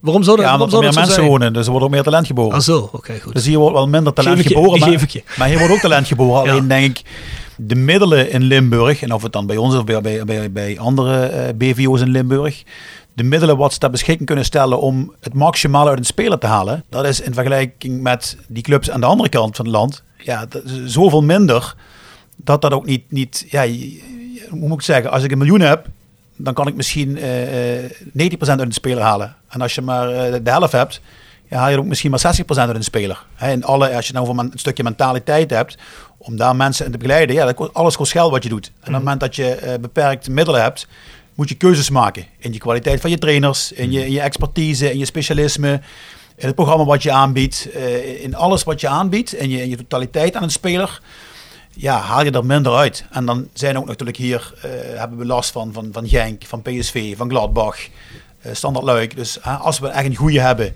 dan worden ze ook snel weggehaald. Dus je hebt altijd de categorie spelers eh, wat daartussenin hangt. En dan kun je ook niet het maximale eruit halen, omdat je niet de maximale middelen kunt besteden. Dus jij zegt eigenlijk, met alle respect, je bent eigenlijk tegen de bierkaai aan het vechten. Want je leidt jongens op, je krijgt jongens in de opleiding waarvan jij denkt, dat is een pareltje. En je kunt hem niet, dat is nou eenmaal de situatie waar de club in zit. Je hebt nou eenmaal niet de budgetten om die jongen zodanig er doorheen te brengen dat je hem optimaliseert. Om het zo maar te zeggen, de optimale begeleiding geeft. Plus, als hij dan opvalt, dan is er altijd een club die meer geld heeft of iets anders te bieden heeft. Ja, ja, ja dat is zo. Ja, kan ik me ook wel voorstellen wat er dan doorstroomt. Dat dat niet de allerbeste jongens zijn die misschien ooit begonnen zijn in de onder 12 of in de onder 14 of onder 16. Of zie ik dat fout, Roel? Want ik kijk iets bedenkelijk. Ja, kijk, eh, het is natuurlijk niet zo dat ze, als een Matthijs de Ligt met 17 hier, eh, die Champions League voetbalt, eh 17, 18 jaar. Kijk, dat, dat denk ik dat bij Roda heel lastig is. Om met- op die leeftijd. Ik denk dat Champions League voetbal sowieso moeilijk wordt voor Roda. Nee, maar het was eigenlijk even om, om aan te geven. Kijk, ik, ik ben iemand die ook bij Roda de opleiding gehad heeft. Eh, ik heb met Roda in de jeugd nooit op het hoogste niveau gespeeld. Dus altijd eh of een niveau eronder of zelfs twee niveaus eronder. Je bedoelt omdat Ehm, dat is waar de jeugd gewoon voetballen Ja, doet. kijk, wij Ja, ja. voetballen niet op het hoogste niveau met de, de, de hoogste jeugdelftallen. Mhm. Maar ik denk, ik heb het uiteindelijk ook gered. Ja, En, ja, ja. en dan niet, niet met 17, 18 zoals Matthijs Ligt meteen in de Champions League beginnen.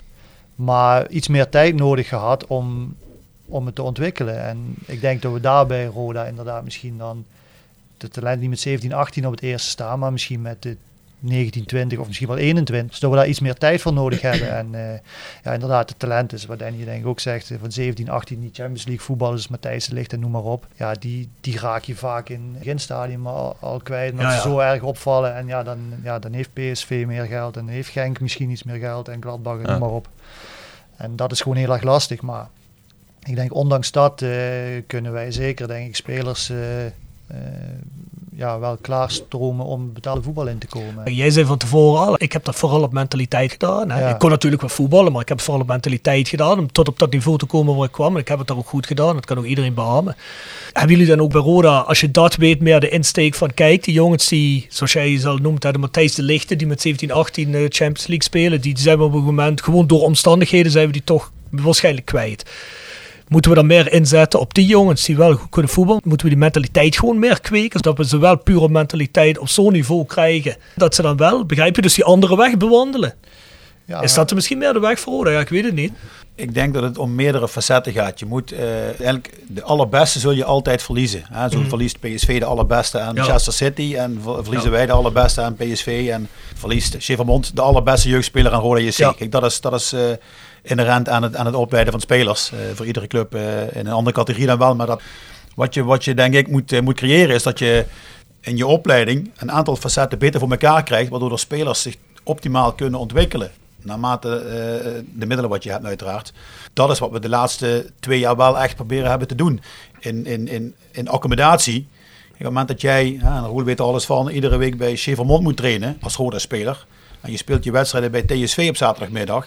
Of je kunt naar een andere BVO, wat het wel qua faciliteiten goed voor elkaar heeft, qua accommodatie. Eh, word je getraind door, nogmaals, door met alle respect, eh, eh, trainer X of staat René Troost of Roel Brouwers. Die kunnen andere dingen meegeven. Kijk, als ik naar mezelf kijk, ik heb geen betaald voetbal gespeeld. Dus dat laatste stukje kan ik hun niet meegeven. Dat is de reden waarom ik drie reden zeg heb ik moet Marco bij me halen als assistent. Want die weet wat er gevraagd wordt op het hoogste niveau. Hè, met Rick iemand erbij gehaald, wat weet wat jongens moeten doen om die laatste stap te maken. Hè. Roel, eh, René Troost. Dat hebben we eigenlijk erbij gebracht. Dus nu, hè, nu kun je spelers zeggen, ja, we worden getraind door Roel of door René of door Rick of door, door Marco. Dus dat maakt misschien de stap om weg te gaan alweer iets, nogmaals, iets minder. Eh, het, het programma wat we aanbieden, eh, het was tot vorig jaar dat we vier keer per week anderhalf uur trainen met die gasten. En ja, verder deden we niks. Kijk, nu hebben we die uren verdubbeld. Dus ze zijn nu van drie tot zes op de club. Waardoor ze dus eigenlijk eh, qua uren eh, dubbele krijgen in het programma. We hebben videoanalyse toegevoegd. We hebben mentale training toegevoegd. We hebben eh Nederlandse les toegevoegd. We hebben performance ruimte toegevoegd. Nou, die, die ruimte wordt nu twee keer zo groot in combinatie met Stofberg. Dus er kan meer geïnvesteerd worden ook in het fysieke van een speler. Dat was er voorheen niet. Dus beetje bij beetje kunnen we misschien nu 70% uit de speler halen. Of 75, wat eerst maar 60 was. En hè, de, met deze licht, Ajax heeft inmiddels om de 100% uit de jongen te halen. Dus daarvoor staat hij er ook eerder. En is hij beter. En hebben ze ook meer keuze uit betere spelers. En dat heeft ook te maken met hoe, welke spelers scout je. Hè, eh, we halen nu spelers binnen waar ik van denk van ja, zijn dat dan de beste? En zoeken welk type speler moeten we zoeken? En daar zijn we nu mee bezig om in de scouting te kijken van ja, goed, misschien moeten we wel anders gaan kijken naar talent. Wat is er aan talent? En wat, wat, wat moet een Roda-speler hebben? Als ik dan kijk naar de, de spelers wat Roda op het eerste hebben gespeeld uit eigen opleiding, zijn veelal verdedigers. Ja, of, het dan, of het dan Roel is, of het is René Troost, of het is Ger Zende, of Rick Plum, of ja, dan zal ik er nog wel een paar vergeten. Eh, Ik denk van ja, je zou uit, uit deze regio toch je eigen links- en rechtsback moeten kunnen opleiden. Kijk, dat je een spits, wat er ieder jaar eh, 20 binnenschiet niet opleidt, ja, dat kan me nog wel indenken. Met alle respect, en een links- en rechtsback moet je denk ik zelf kunnen opleiden. Maar dan moet je wel de middelen hebben en het eh, dusdanig programma aan kunnen bieden om het maximale uit die speler te halen. Wordt het bij Roda ook zo gezien? Die visie wordt door het hele Roda zo gezien, door het hele technisch beleid. Dus ook eh, Jurgen Streppel en dergelijke. Op een moment, of is dat iets waar je hard voor moet vechten om dat erin te krijgen? Daar bedoel je mee? Eh, Nou, daar zal toch iets van budget voor moeten vrijkomen als jij die volgende stap weer wil maken naar... Ja, eh, goed. Oké, die ja, dat zo bedoel je. Ja, dat budget is natuurlijk altijd een probleem. Dat is wel, ja, uiteindelijk wil, wil, willen de supporters meer budget hebben voor betere spelers. En dat zal denk ik, ja, Jurgen zal niet zeggen van ik heb genoeg, die wil ook meer. En dat wil ik ook.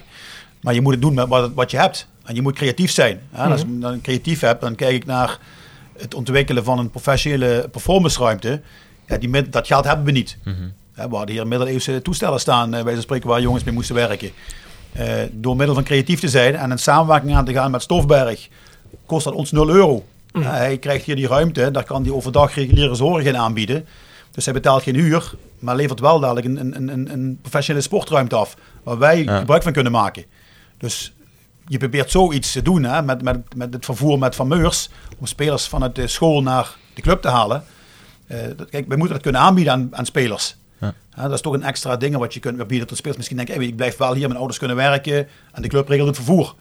Ja, dat was er ook niet. Dan ga je naar, naar Van Meurs, ja, we hebben geen geld, maar hoe kunnen we het oplossen? Ja, dan ga je bijvoorbeeld aanbieden van, voor jouw personeel doen wij een voetbalkliniek voor die kinderen waar bij jou werken. Of hè, jij, jij haalt veel uh, inkomsten uit zorginstellingen, het vervoer van, hè, van, van zorg wat je vervoert. Uh, voor die kinderen doen wij een levens- en profdag. En dan zetten we weer wat spelers neer. Nou, doe dat voor mij en dan doe ik voor jullie wel die rit betalen. Weet je, dus weer op die manier wel ja. uh, stapjes te maken als opleiding. Maar ja, bijna met gesloten beurzen. In samenwerking is dat ook misschien handig uh, met clubs, met andere jeugdopleidingen. Je noemt net KRC Genk dat die de spelers weghalen. In hoeverre hebben jullie daarna gekeken? Dat je bijvoorbeeld met Belgische clubs gaat samenwerken om daar wat meer ja. uit te halen? Ja, we hebben met Genk wel, wel uh, niet echt een samenwerksverband op papier, maar wel hele goede uh, afspraken en een band met elkaar. Mm -hmm. En je ziet ook de laatste jaren dat er uh, een Sander Lambrix eigenlijk zonder opleidingsvergoeding kunnen we die binnenhalen.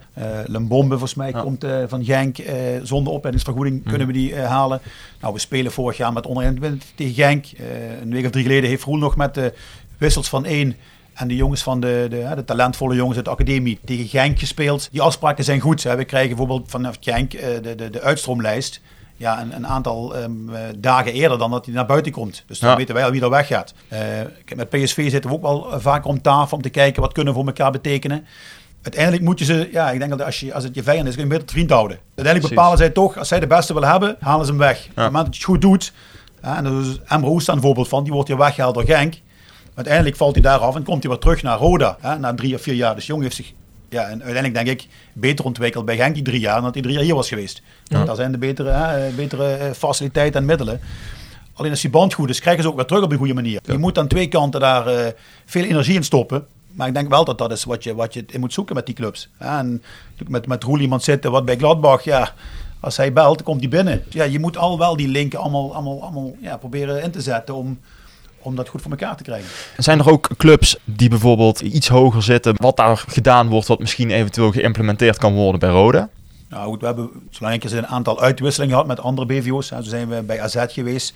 Zo zijn we vorig jaar jaar daarvoor bij Club Brugge geweest. Mm -hmm. dat zijn, ja, dan noem je wel clubs. Tuurlijk. Ja, weet je, dan als je daar zit, dan ja. word je niet vrolijk denken van, poeh, waar zijn ja. wij mee bezig? Maar goed, het zijn altijd dingen wat je kunt oppakken. En, ja, en, en Roel doet nu die cursus UEFA uh, ik doe de uh, cursus uh, hoofdopleidingen pro. Mm -hmm. Dus ja, daar hoor je ook weer van collega-trainers of collega-hoofdopleidingen van hoe ze het met elkaar doen. En wat zij bepaalde visie op bepaalde dingen hebben. En je gaat bij elkaar aan de keuken kijken. En zo neem je overal weer iets mee wat je probeert weer ja, in, in, in het Roda vooropje te gieten. Mm -hmm. Waar je hier weer voordeel van kunt hebben. En zijn er bijvoorbeeld ook kleine tweakjes waarvan je zegt dat waren echt eye-openers voor mij? Die je heel simpel eigenlijk hier kan toepassen en dat ook gebeurd is? Of wat misschien op de planning staat om te gebeuren? Ja, lastig. Weet je, uiteindelijk uh, maken we denk ik ook allemaal veel spannender dan het is. Uiteindelijk doen we bijna allemaal hetzelfde. Die kunnen wat meer doen omdat ze wat meer middelen hebben dan dat de ander wat kan. Maar uiteindelijk uh, blijft het voetbal. Uh, alleen ja, als je een speler hebt wat, wat waar de club kan faciliteren van je halen, je brengen naar huis, we regelen de school, we nemen je ouders mee in iets. Uh, ja, dat is anders dan wat wij kunnen. Dus we Mhm. moeten maar onze eigen middelen doen. Maar er zijn maar weinig clubs. En dat, ik, hoor, ik merk dat nu op de, op de opleiding waar ik op zit. Uh, daar zitten we met 16 uh, hoofdopleidingen. En daar zit Ernest Faber van PSV bij. Maar ook de hoofdopleiding van Den Bosch en van, van, van Excelsior. Mhm. Dus daar zit van, van alle categorieën opleidingen en clubs zit daar wel iets in. En dan, dan zijn er maar weinig clubs wat het echt goed voor elkaar hebben in de jeugd. Ja, en dan zie je toch ook clubs waar ik van denk van zo, die, die schat ik wel hoger in.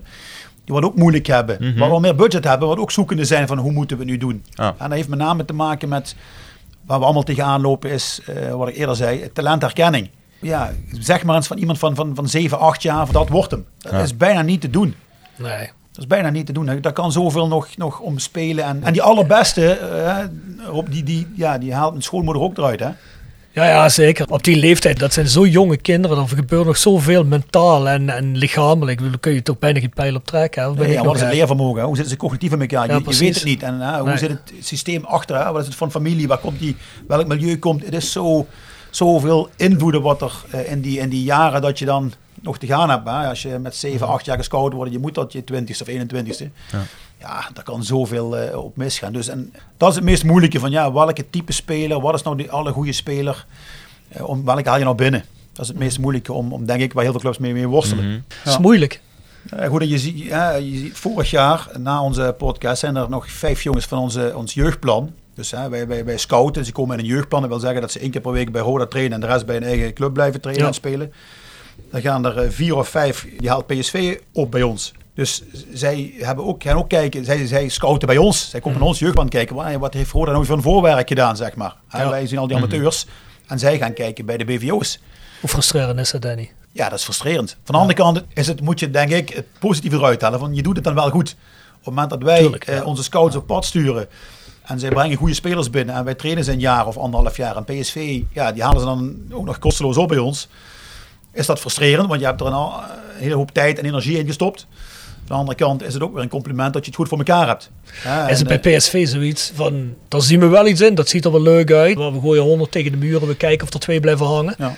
Ja, kijk, het voordeel van PSV is als je daar uiteindelijk uitstroomt, dan stroom je uit naar een, ik noem iets, eh, NEC, eh, Stroomt Eind- hoger uit? Eindhoven. Ja. Kijk, en dus, dus die spelers, ja, eh, voor hun is het wel iets makkelijker. eh, Als je daar inderdaad een jong PSV speelt, je haalt niet eh, de stap naar PSV. Ja, dan eindig je misschien bij, ik noem maar iets wat in de buurt, Topos of Den Bosch of Mm. VVV, noem maar op. Ja. Ja, dat is hier natuurlijk wel iets anders. maar ja, ik denk dat het wel aangeeft dat we op een goede weg zijn. Dat, Mhm. dat PSV-spelers. Ja, dat is natuurlijk hartstikke shit voor onze opleiding. Dat, dat die spelers weggaan. Maar ja, ik denk wel dat we op een goede weg zijn. Een flinke stap al gemaakt hebben. In ieder geval alle teams weer eh, gewoon hier trainen op Kaalheide. eh, eh, inderdaad met het CIO's. eh, dat we die mogelijkheid aan de Mhm. spelers kunnen geven. En zo moet je elk jaar proberen weer stapjes te maken. Ja. En dan zijn we op een goede weg. En hopelijk mondt dat zich uiteindelijk ook uit in dat je meer spelers inderdaad in Ja. het eerste elftal krijgt. Want daar doe je het uiteindelijk voor. En, Want Ja. jullie hebben dit jaar een redelijk ja, dunne selectie. Gaan wij dit jaar nog debutanten zien? Ja, ons inzien of zeggen, ja, die jongens die zijn nog niet zo ver, maar misschien eerder volgend jaar. Dus we hebben zeker talenten rondlopen. eh, of die het komende half jaar al zover zijn om in te komen, ja, dat is natuurlijk heel erg Mm. moeilijk te zeggen. Ik hoop het ergens wel natuurlijk. Of, of ergens, ik hoop het gewoon van wel. Het zou het mooiste zijn als spelers, spelers eh, uit de eigen jeugd eh, nog gaan spelen. Maar dat is, dat is heel erg moeilijk te zeggen. Maar ik weet wel eh, dat er zeker talent rondloopt. Eh, en misschien hebben die net iets langer nodig dan inderdaad ons voorbeeldje van de licht. Maar eh, ja, dat, dat zit er zeker wel. En uiteindelijk zijn er zeker spelers die het kunnen redden. Alleen of dat dan dit komende half jaar is, dat eh, ja, is lastig om te zeggen. Ja.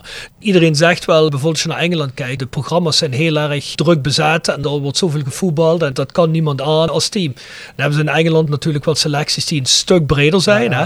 Maar wat je natuurlijk ziet als je kijkt, al die teams, Liverpool en Tottenham, Arsenal, als je die ziet voetballen in zo'n Carabao Cup, hè, dus zo, eigenlijk zo'n tweede cup competitie ja. nog, die spelen vaak met hele tweede elftallen. Voor die ontwikkeling van die jongens is het natuurlijk wel optimaal. Hè? Daar heb je meer een mix. En dat, dat is een beetje het principe hoe Jurgen Streppel ook tegen een Bos heeft gevoetbald eigenlijk. Hè? Dus tegen Dinges pakte dat niet zo goed uit tegen Go Ahead. Hè? Maar goed, dat is dat principe. Dus mijn vraag is, ondanks dat dat natuurlijk druk legt op de intensiviteit en hoe vaak je aan de bak moet als spelers, zou die van de andere kant ook goed zijn als je meer van dat soort wedstrijden had waar je spelers op eigen niveau waar het ergens om gaat zou kunnen inzetten op die manier, op het hoogste niveau. Ja, zeker. Ik denk dat eh, hoe beter de wedstrijden ook voor die jongens zijn, eh, die dan iets minder spelen, eh, dat die zich daar alleen maar beter kunnen ontwikkelen weer. En, eh, Mm. Dus ik denk dat dat juist heel goed zou zijn om ook officiële wedstrijden voor, voor die spelers te hebben. Dus we moeten een tweede bekercompetitie erbij hebben. Nou goed, je hebt het, het, het voordeel ervan dat je onder 21 in, op, een, op een redelijk goed niveau speelt nog. Hè? Eh, we spelen ja. tweede divisie, dus je speelt hier gewoon tegen eh, het tweede team van Vitesse of van, van, van de Graafschap of van, van Emmen, van Willem II, eh, van PEC Zwolle. Dus de, de weerstand daar is toch wel goed. Alleen nu door corona ligt dat stil. En wat er, eh, wat er is, er is een competitie opgezet. En doen volgens mij nou zes of acht clubs aan mee. Eh, op de maandagavond, zoals het vroeger was, een soort beloftecompetitie. Eh, voor de iets oudere jongeren nog, hè, dat die ook nog kunnen spelen. Hè. Nu kunnen die, die, ehm, die jongens wat, Wat bij bedoel je één- met de oudere jongen? Nou goed, een, een derde werker, bijvoorbeeld die mag qua leeftijd niet meer op de onder 21 spelen op zaterdag. Maar die zou dus, en dus daar moeten dan extra wedstrijden voor gespeeld worden, op het moment dat hij minder speelt. Of iemand komt terug van een blessure. Terwijl de, de, de Jimmy's en de Lukes en de, de, de eh, Takadini volgens mij ook nog Ja. en Lambrix. Die hebben ook een minuut al dit jaar gemaakt op de onder 21. Die spelen Ja. gewoon thuis tegen Vitesse Ja. op zaterdag. Weet je, dat is, dat is prima. Alleen, dat is niet voor iedereen weggelegd. Als jij ouder bent dan 22, dan, dan mag dat niet meer. Dus dan, dan, daar moet je dan iets, inderdaad, eh, dat is wel voor die jongens wel heel, heel eh, nadelig. Roel, Ja, Dan bedanken we jou in ieder geval. ja graag gedaan, graag gedaan. Wij gaan zo meteen nog heel even verder. Ja. we hebben een van de jongens die nu eh, een beetje tussen eh, onder 21 en het eerste, of ja, niet in hangt, hè, die zit bij allebei eigenlijk. Ja, dus die traint mee. Ja, die traint op eh, heel veel momenten bij ons mee. En ik denk als je de laatste, of de eerste seizoenshelft kijkt, dat die meer bij ons is geweest bij de onder 21. Dus eh, die heeft heel veel momenten daar, daar al gehad. En dat is denk ik alleen maar goed voor hem eh, om zich verder te ontwikkelen. Ja, hopen dat hij inderdaad die, die volgende stappen kan gaan maken. Nou, gaan we zo meteen ook van hemzelf eens horen. Ben wat hij benieuwd. zegt. Ja. Goed. De Voice Kort van de makers van The Voice of Calhei. Na- en voorbesprekingen van elke Roda-wedstrijd. KKD en Roda-nieuws. Stemmen rond de wedstrijd en de column van Jasper. Steun ons en abonneer je nu voor iets meer als een euro. Op petje.af, schuine streep naar voren, The Voice of Calhei. Roel Brouwers heeft ons inmiddels verlaten. Die gaat even verder studeren. Hoe heet het ook alweer? De TC1. TC1, dat is het, volgens mij de, het derde level voor coach betaald voetbal. Zegt het goed, Danny? Nee, nee, het, het voorlaatste. Voorlaatste. Je hebt trainer, Ja, dus het hebt- derde level bedoel ik. Hè? Dus je hebt eerste, tweede, derde en dan coach betaald voetbal. Klopt ja, dat zo? Ik dat je, hebt, je hebt UEFA C, Oh, Ah, je hebt UEFA B en je hebt UEFA A. En dan komt coach betaald voetbal. Dus Roel doet nu UEFA A. Daarmee mag je alle amateurniveau trainen en assistent betaald voetbal zijn. ah, oké. Dat goed. was het, ja. Waarschijnlijk praten we compleet langs elkaar heen en bedoelen we precies hetzelfde. Dat zal vast. Het volgende niveau is gewoon coach betaald voetbal. Ja, ja, ja. Dat bedoelen we allebei precies. Kom. Komt goed. Mooi. Nou, dan wensen we hem uiteraard succes mee. Ja. Voor we überhaupt iets anders gaan doen, voor we het vergeten, we gaan één rubriek doen. En die zullen we maar meteen even met Danny doen. Ja. Dat heeft hij de vorige keer niet gedaan. Jonas Jo wordt gepresenteerd door RodaJC.goals. Het Instagram-account voor je dagelijkse portie Roda-content. Iedere dag een doelpunt uit onze rijke historie. Van Aruna Kone tot Shane Hanze. Van Bob Peters tot Dick Nanninga. Volg RodaJC.goals op Instagram. Nog geen zonnepanelen op uw dak? Bij Marimi Groep in Kerkrade en Heerlen bent u op het juiste adres voor duurzaam advies. Bespaar direct op uw energienota met een hoogwaardig zonnesysteem van Marimi Groep. Marimi Groep werkt uitsluitend met hoogwaardige zonnesystemen die voldoen aan alle eisen van de grootste keurmerken in de solarbranche. Kijk op marimi-groep.nl en maak een vrijblijvende afspraak voor professioneel advies op maat. Van advies tot montage, alles in eigen huis. Persoonlijk contact staat bij ons op nummer 1. Marimi Groep, als kwaliteit uw keuze bepaalt. Tevens gesteund door Metaalgieterij van Gilst. Sinds 1948 uw plek voor gietwerk in brons. Van brons, van Gilst. Danny, dat is onze rubriek waarin wij aan onze gast vragen. Wat is voor jou de meest memorabele Roda? Zijn er al eh, voorgangers geweest? Neem ik Oh, aan? er zijn Veel- talloze ja, er zijn voorgangers geweest. voorgangers, Maar pak maar eens iets. Geen fladders in de play-offs, alsjeblieft. Nee, En geen nee, Tom nee. van Hiefte. En voor de derde werker tegen MV zal ook genoemd zijn, neem ik aan. Oh, dat weet ik niet, we nog niet. niet. De kopbal. Want Volgens dan- mij Toen niet. stond, Nee. ging ik door de, door, de, door de afrastering heen, denk ik. Van, eh, volgens Vreugde. mij hebben we Ja, ja, laten we die maar pakken. Ja, of laten we die, die geven we aan Danny. Hè. Dus ja, werker, play-offs. Volgens mij hebben we die nog niet via gehad. eh, 1-0. Ja, Ja, Waardoor, eh, en pas natuurlijk, want jongen eigen jeugd. uiteraard. dat was eh, precies in het kader van waar we hiermee bezig zijn. Thema-uitzending, hè? Dus, Ja, eh, ja, dat ziet ja. eruit. Ja, Jasper, zeg eens, wie hebben we hier zitten behalve Danny Volkers alweer? Ja, Fabio Esposito. Goedemiddag. Welkom. Hi. Goedemiddag. 19 jaar, afkomstig de jeugd van KC Genk. Daarvoor ook nog Patro IJs de Maasmechelen. En sinds 2015 bij Rode JC. Dat Ah, klopt helemaal. Mooi zo, kijk. Heb ik dat... eh, Hey, woon je ook in Maasmechelen? Eh, ja, ik woon in Delsen, maar ik ben opgegroeid in Maasmechelen wel. ah, oké. Ja, Delta ken ik. Delta spelen we vroeger veel shows. Oh, ja. Ja, ja, er was vroeger heel veel hardcore muziek was er rond. Eh, ken je Rudy Dexters toevallig? Nee. Nou, dat is misschien ook nog beter voor je staat. ja, Maasmechelen, ben jij van Italiaanse afstamming? Ja, mijn oma en opa zijn ehm, geboren in Italië ook nog. En zijn verhuisd naar hier in eh, België. Mooi. En zijn terechtgekomen in Maasmechelen. Voor te komen werken in de mijn. En ja, mijn ouders zijn geboren hier in België. Ik ken veel jongens uit die buurt en dat, er zijn er heel veel eh, die een Italiaanse roots hebben ook. Ja, hè? ik denk 80% in Maasmechelen zijn Italianen ook. Ja, is het zo? 80% ja, ja, zelfs? Ja, 60, 70, 80%. Meer Italianen dan eh, Belgen. Maar dan, dan is dat leuk geweest met het EK afgelopen zomer, Ja, hè? dat was de top. Ja, dat geloof ik. Ja. Kwartfinale, hè, tegen, tegen de Belgen. Ja, ja, dat was ja. heel ja. spannend eigenlijk wel. Ja, Ja, die voor de Belgen. Ja, Nee. nee.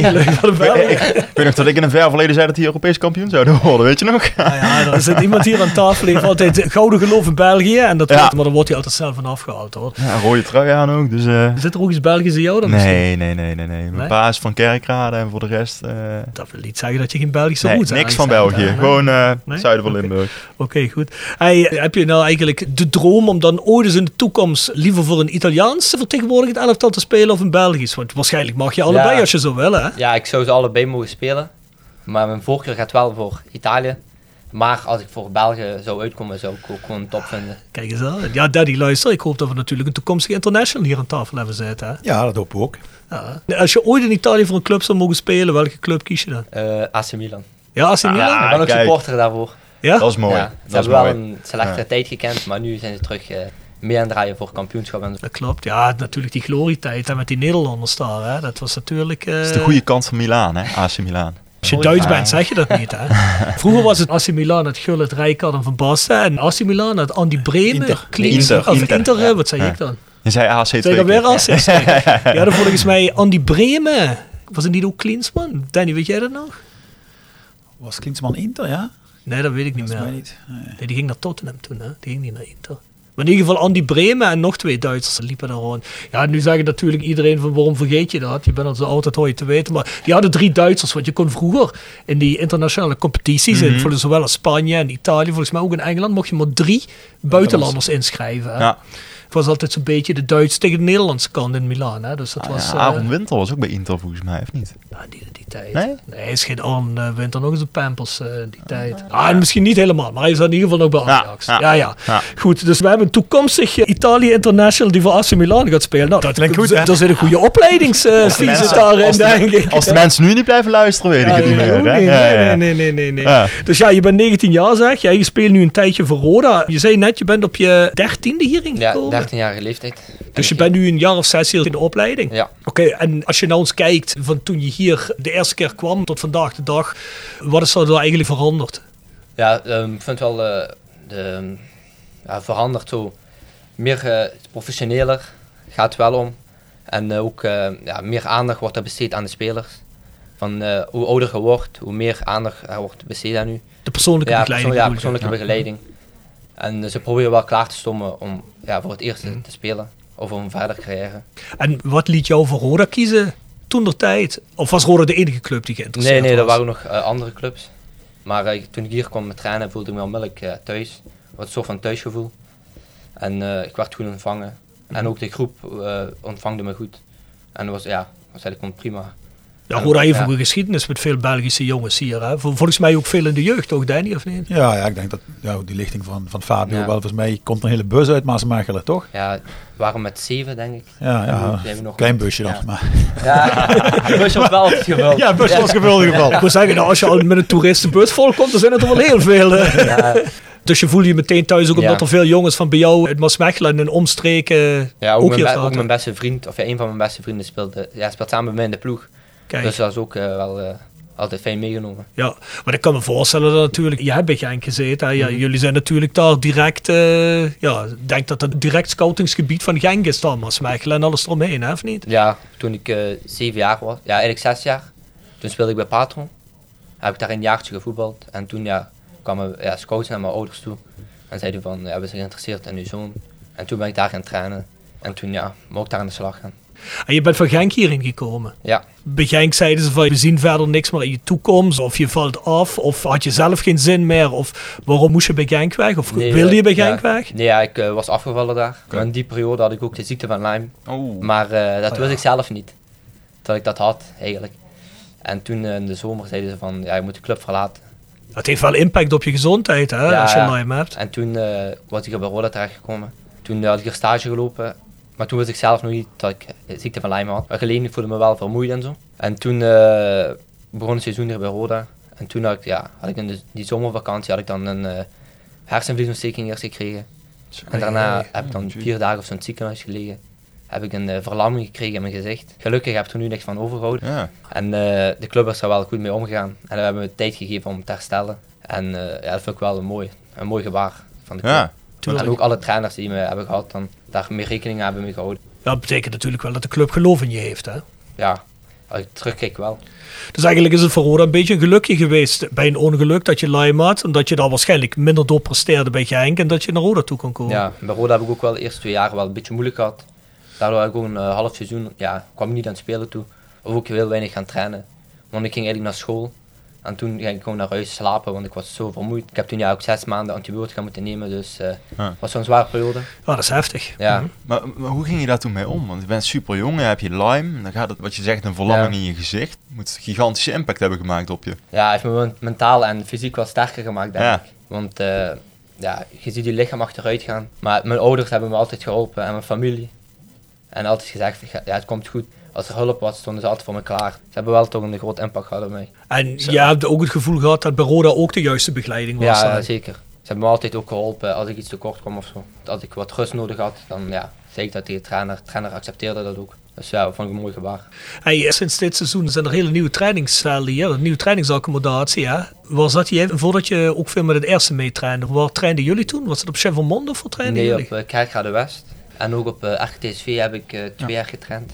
Ja, Maar RKTSV is goed, dan worden ja. de talenten geboren. Dus, ja, ja, ja, ja. Ja, ja, ja. Maar, Maar toen eh ik pas begon hier, trainden we nog hier op het kunstgrad Kaleiden. ja, dat is nu natuurlijk wel even een ander verhaal. Hè? Ja, Ja, want we hebben het er net al over gehad met Danny en Roel. Nou, die trainingsaccommodatie natuurlijk hier weer helemaal picobello is. Heb je dan ook meer het gevoel alsof je deel bent van Roda JC? Want je bent natuurlijk, als je hier niet op Kalheide zit, dan zit je bij amateurverenigingen. Ja. Ja. die werken samen met Roda, maar het is niet Roda. Heb je dan meer het gevoel dat je ook deel bent van Roda sinds die accommodaties er hier weer liggen? ja, klopt, ja klopt wel. Zo, ehm, als je hier traint op uh, krijg je meer het gevoel van train bij Roda dan als je ergens anders traint. Mhm. Even een ander gevoel. Als je hier traint is meer een thuisgevoel. Komen ook oude herinneringen, komen naar boven van de wedstrijden. Dat is ja, altijd ja, fijn eh, meegenomen wel. Train je eigenlijk vanaf dit seizoen met de eerste mee? Of heb je het vorig seizoen al gedaan? Eh, dit seizoen. Dit seizoen, oké. Ja, hoe gaat zoiets? Komt dan Danny Volkers of Jurgen Streppel of je komt bij je en zegt dan van, hey, luister Fabio, je gaat nu mee trainen met het eerste, je bent opgevallen of hoe of gaat zoiets in zijn werk? Ja, het gaat eerst, eh, moet eerst presteren bij Jong. En moet eerst Ja. daar ja, zorgen dat je uitsteekt. En eh, toen was Danny naar me toegekomen en zei van, eh willen met u verder werken, wil u eh, de kans geven om het eerste mee te trainen. Toen eh mocht ik begin van de voorbereiding mocht dan aansluiten bij die groep. En die groep heeft me ook eh, fantastisch ontvangen. Ja, Ja, een zeer aangename groep. En eh, toen heb ik met de trainer even gesproken. En dan ja, beginnen de trainingen en moet je proberen te laten zien. En laten zien wat je in huis hebt. In zo'n eerste elftal, wie is daar nu eigenlijk iemand die jou heeft opgevangen? Eh, vooral Stefano Marto. Ah, dat is de Belgische connectie een ja, beetje, ook, hè? ja, ja. een beetje, ja, er zit veel Belgen bij de eerste, geloof ik. Hè? Ja, ja, toch wel een aantal. En maak je dat dat je dan ook als Belg sneller thuis voelt? Of maakt dat voor jou niet zoveel uit? Zeggen van, nou, ik moet gewoon mijn eigen ding doen. Of is het toch lekker dat daar dan zo'n Takedine zit en zo'n Malzo en zo'n Bouchouari en zo'n Lambrix? Is dat dan gemakkelijker? Ja, niet per se, maar eh, het maakt wel een klein beetje makkelijker wel, dat wel. Want eh, ik denk, al die jongens hebben wel een eh, mooie carrière gehad of beginnen aan een carrière.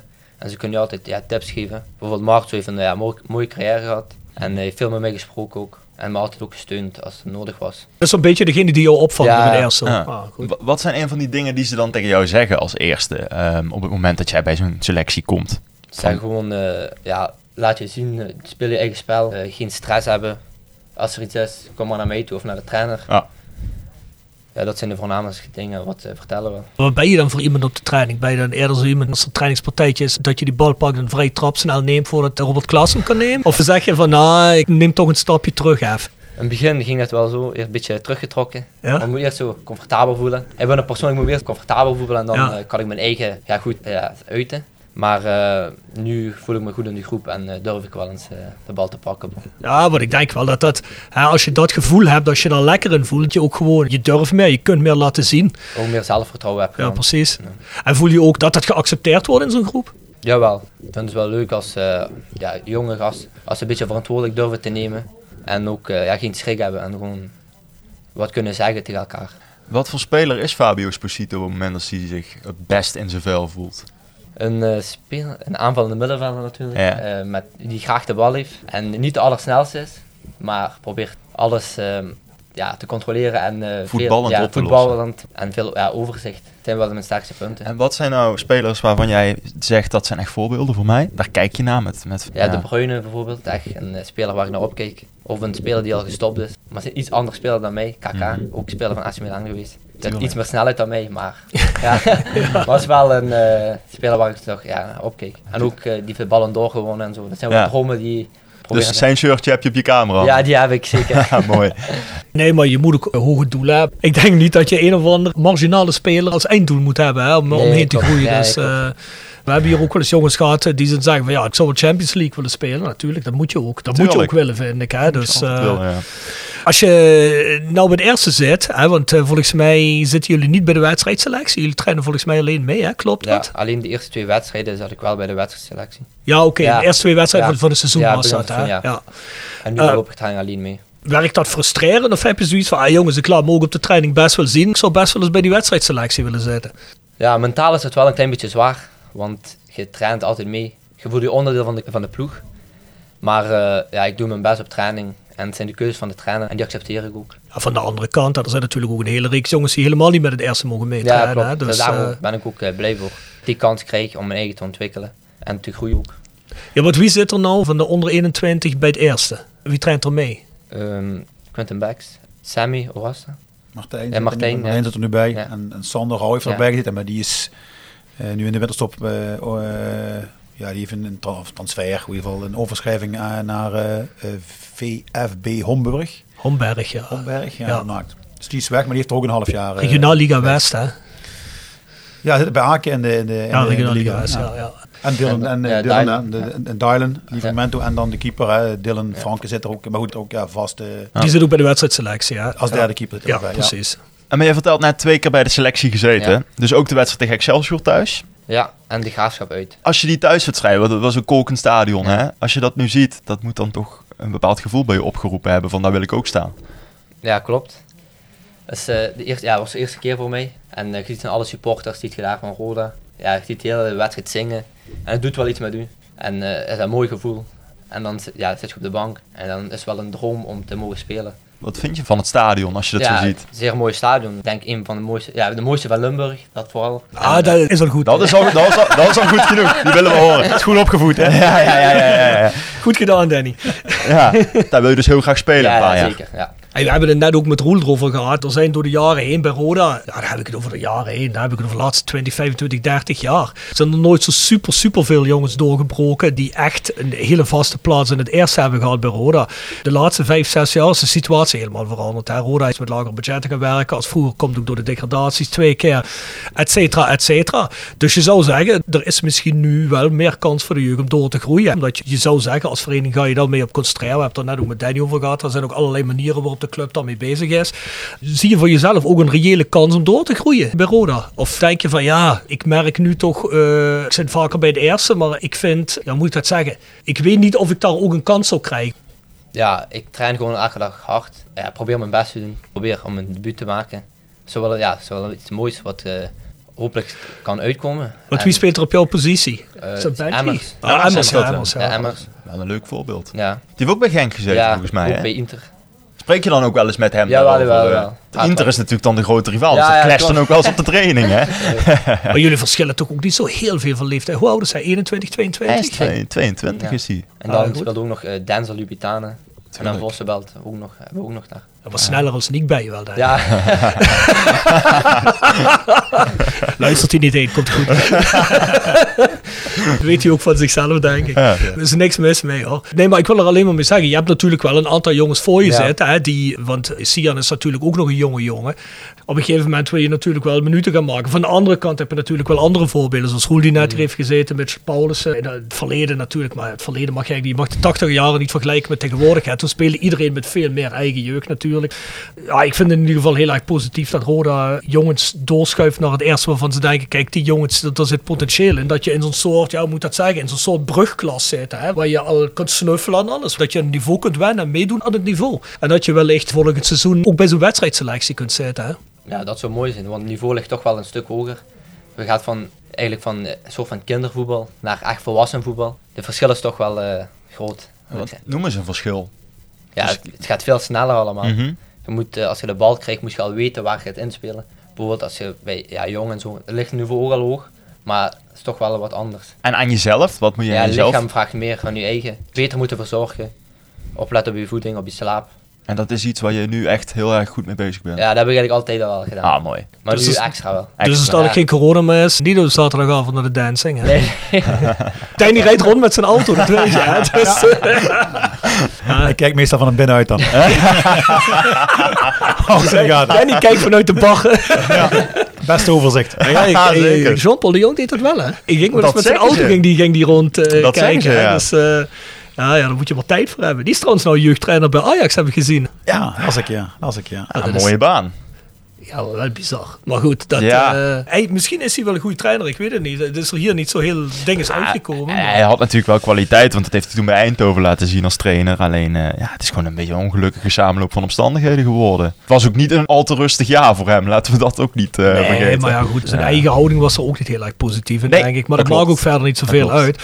Ja, zoals gezegd, dat je nou meetraint met het eerste. Hoe is de communicatie met zo'n trainerstaf daar op het eerste? Want train jij vooral met het eerste mee? Of zit je ook nog vaak bij onder 21 voor de trainingen? Eh, meestal train ik wel met eerste mee. En dan eh, op vrijdag en op donderdag. Ja, een beetje gelijk is het. Vrijdag en donderdag, of ja, donderdag en vrijdag, dan eh train ik met Jong mee. Omdat we zaterdag een wedstrijd hebben. Zodat ik wel een minuten kom.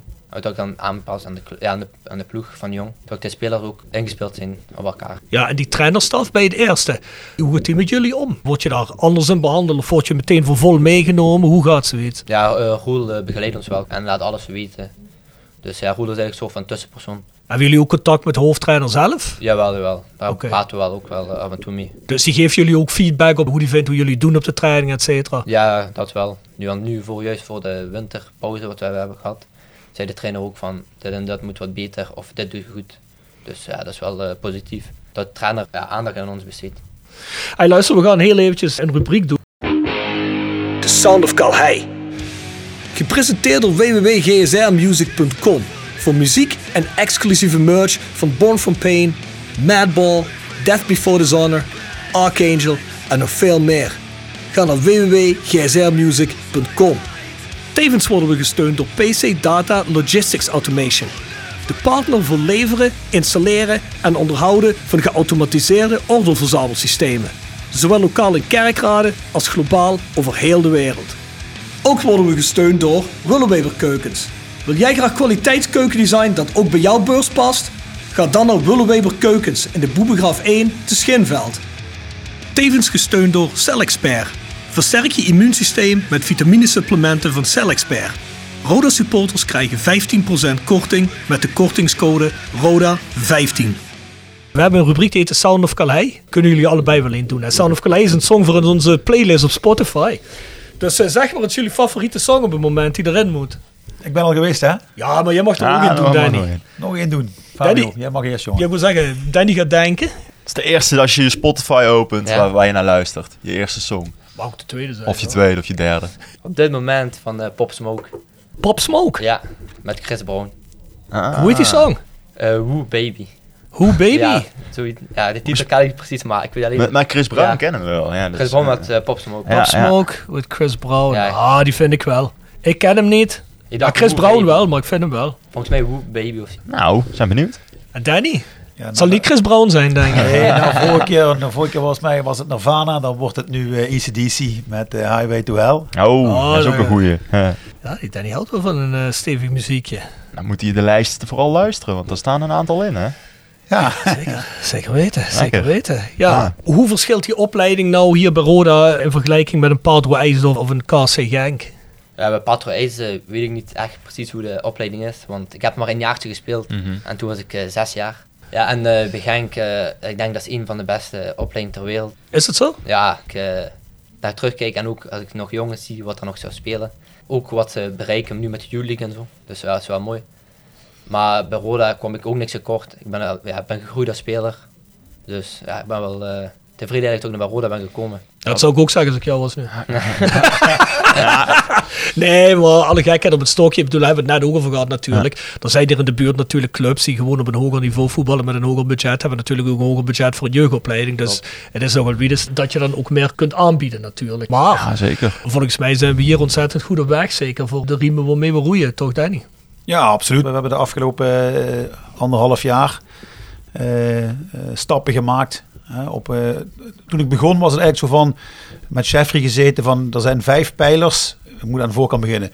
Kijk, je hoort hier al jaren, toen ik als jeugdtrainer was, van buitenaf van, je academie stelt niks voor, er komt niks door. Mhm. Ja, waarom moet een academie hebben? Die, die, die, die, die, die paar euro wat je erin besteedt, haal daar een speler voor. Dat was een beetje... Ja, dat is vaak de houding geweest Ja, hier. Hè? ja, Ja. dat is ja, misschien nog wel zo, maar Mhm. ik hoop dat het in ieder geval minder wordt. Maar dat was eh, wat, je, wat je van buitenaf meekreeg. Ik zeg van met Jeffrey gaan zitten van ja, wil je hoofdopleidingen worden? Ik zeg ja, dan moeten we iets anders gaan doen dan wat Ja. we gedaan hebben. Want anders, hè, een beetje het motto van als je doet wat je deed, dan krijg je wat je, wat je kreeg. Dus het moet anders. Tuurlijk. Ja. We moeten eigenlijk betere spelers afleveren. Eh, en voor mij waren daar als hoofdopleidingen waren er vijf belangrijke pijlers voor. En dat was één was faciliteiten. Zegt hij zelf, we moeten alles terug naar Kalheide halen. Hè, niet meer overal bij amateurvelden trainen. Alles moet terug naar Kalheide. Ik moet weer een kantine komen op Kalheide. Moet weer hier gaan, gaan leven. Nou, als je hier, eh, ik zou zeggen, ik, ik nodig je uit om een keer op zaterdag als ik gewoon dadelijk weer eh, op een lager pitje sta en we mogen weer spelen, kom eens kijken. Want van 9 tot, tot 5 tot 6 op zaterdag is hier volle bak. We spelen hier 4, 5 jeugdwedstrijden. We spelen met veel teams op goed niveau. Eh, of het of Vitesse is of de jeugd van Feyenoord. Of het gaat allemaal rond hier Utrecht. eh goede, goede wedstrijden. Dus dat was een belangrijke pijler, moet ik zeggen. Daar, daar gaan alle credits naar Jeffrey toe. Die heeft hier met die gemeente gevochten om die twee velden hier neer te leggen. Dus nogmaals, eh, zonder Jeffrey hadden hadden we, ben ik ervan overtuigd, hadden we geen twee nieuwe velden gekregen. Props voor Jeffrey van Aast. Ja, absoluut, absoluut. Ook bezig met, met een nieuwe accommodatie. Kijk, waar we nu in zitten, het gebouw. Ja goed, daar, daar is weinig aan gebeurd de laatste twintig jaar. Eh, dus daar liggen ook plannen, daar liggen tekeningen klaar. Dus dat zal in de komende jaren ook wel eh, aangepast worden. Is dat hoofdgebouw hier niet afgekeurd? Of gaat afgekeurd worden of zoiets? Ja, dat dan moeten we nu weg zijn. Nee, we een helm opzetten. hè. Dat is afgekeurd. Dus ik weet niet hoe de voorzieningstechnisch is dadelijk. Totdat de eerste steen eruit valt, doen we Ja, dat. het begint, eh, begint te scheuren daar. Dat was wel voor mij wel heel belangrijk. Van, op, ja, qua faciliteiten moeten we als academie een stap maken. Willen we eh, de concurrentie in ieder geval eh, niet te ver achterkomen en jongens beter gaan ontwikkelen. Dat was pijler 1. Pijler 2 was het niveau van de trainers. En ik wil een goede mix hebben van eh, goede, jonge, ambitieuze trainers, pedagogisch onderlegd. Maar wel ook een trainer erbij met ja, betaald voetbalervaring. Niet voor niks Marco van Hoogdalen nogmaals, Roel, René. Begeleiden van talenten zoals hè, de, de, de, de, bovenbouwjongens, de spelers onder 18, onder 21, wat meegaan met de eerste. Daar ben ik met Rick Plum gaan praten. Van Rick, ja, hoe is het met je in eerste instantie? Maar wil je nog wat doen voor de club? En in die rol uitgekomen dat Rick hier een aantal dagen per week bezig is met die, met die acht tot tien jongens waar we iets van vinden. Ja. Ja, die, die begeleidt hij daarin, die geeft hij extra dingen mee, daar praat hij mee. Kijkt die beelden mee. Nou, dat is een stap wat we gemaakt hebben in, in de organisatie. Qua begeleiding, qua trainerstaf. De derde puntje was qua programma. Eh, die anderhalf uur per week, vier keer, een beetje voetballen. Alleen is niet goed genoeg. Daar moet performance in, daar moet videoanalyse in. Daar moet voor Franstalige jongens moet daar net een Nederlandse in. Daar moet looptraining in zitten. Daar moet gesprekje in zitten. Dus vanaf dit jaar van anderhalf uur naar drie uur per dag op de club. Dus allemaal meer gedaan. En eh, de pijler, eh, het niveau waarop we spelen. Dat moet wel voor sommige teams op een hoger niveau komen. Onze onder 21, eh, onder 13, 14 en 12, die spelen allemaal op twee na hoogste niveau in Nederland. Dat is prima voor ons. Weet je, dat is goede weerstand. eh, en als we een keer kunnen promoveren naar het hoogste niveau, fantastisch. Maar dat zullen we nooit lang volhouden. Weet je, dat is altijd weer een jaar wel. Dan heb je weer een andere lichting wat minder is. Dan zak je weer terug. Maar we hebben ook nog twee teams op vierde divisieniveau spelen. Die moeten echt naar niveau 3 of, of liefst naar 2. Maar dat, dat kan in één jaar kun je twee niveaus stijgen. Dus dat kan snel gaan. En dan hebben we onze onder 15, dat is niveau 6. Die spelen echt, dat, dat, dat lees ik ook vaak en dat hoor ik ook vaak van mensen. Ja, onder 15 van oh, dat speelt tegen Bekkerveld en tegen Jekerdal. Ja. Maar dat komt omdat we de onder 15 vorig jaar niet hadden. We hadden geen onder 15.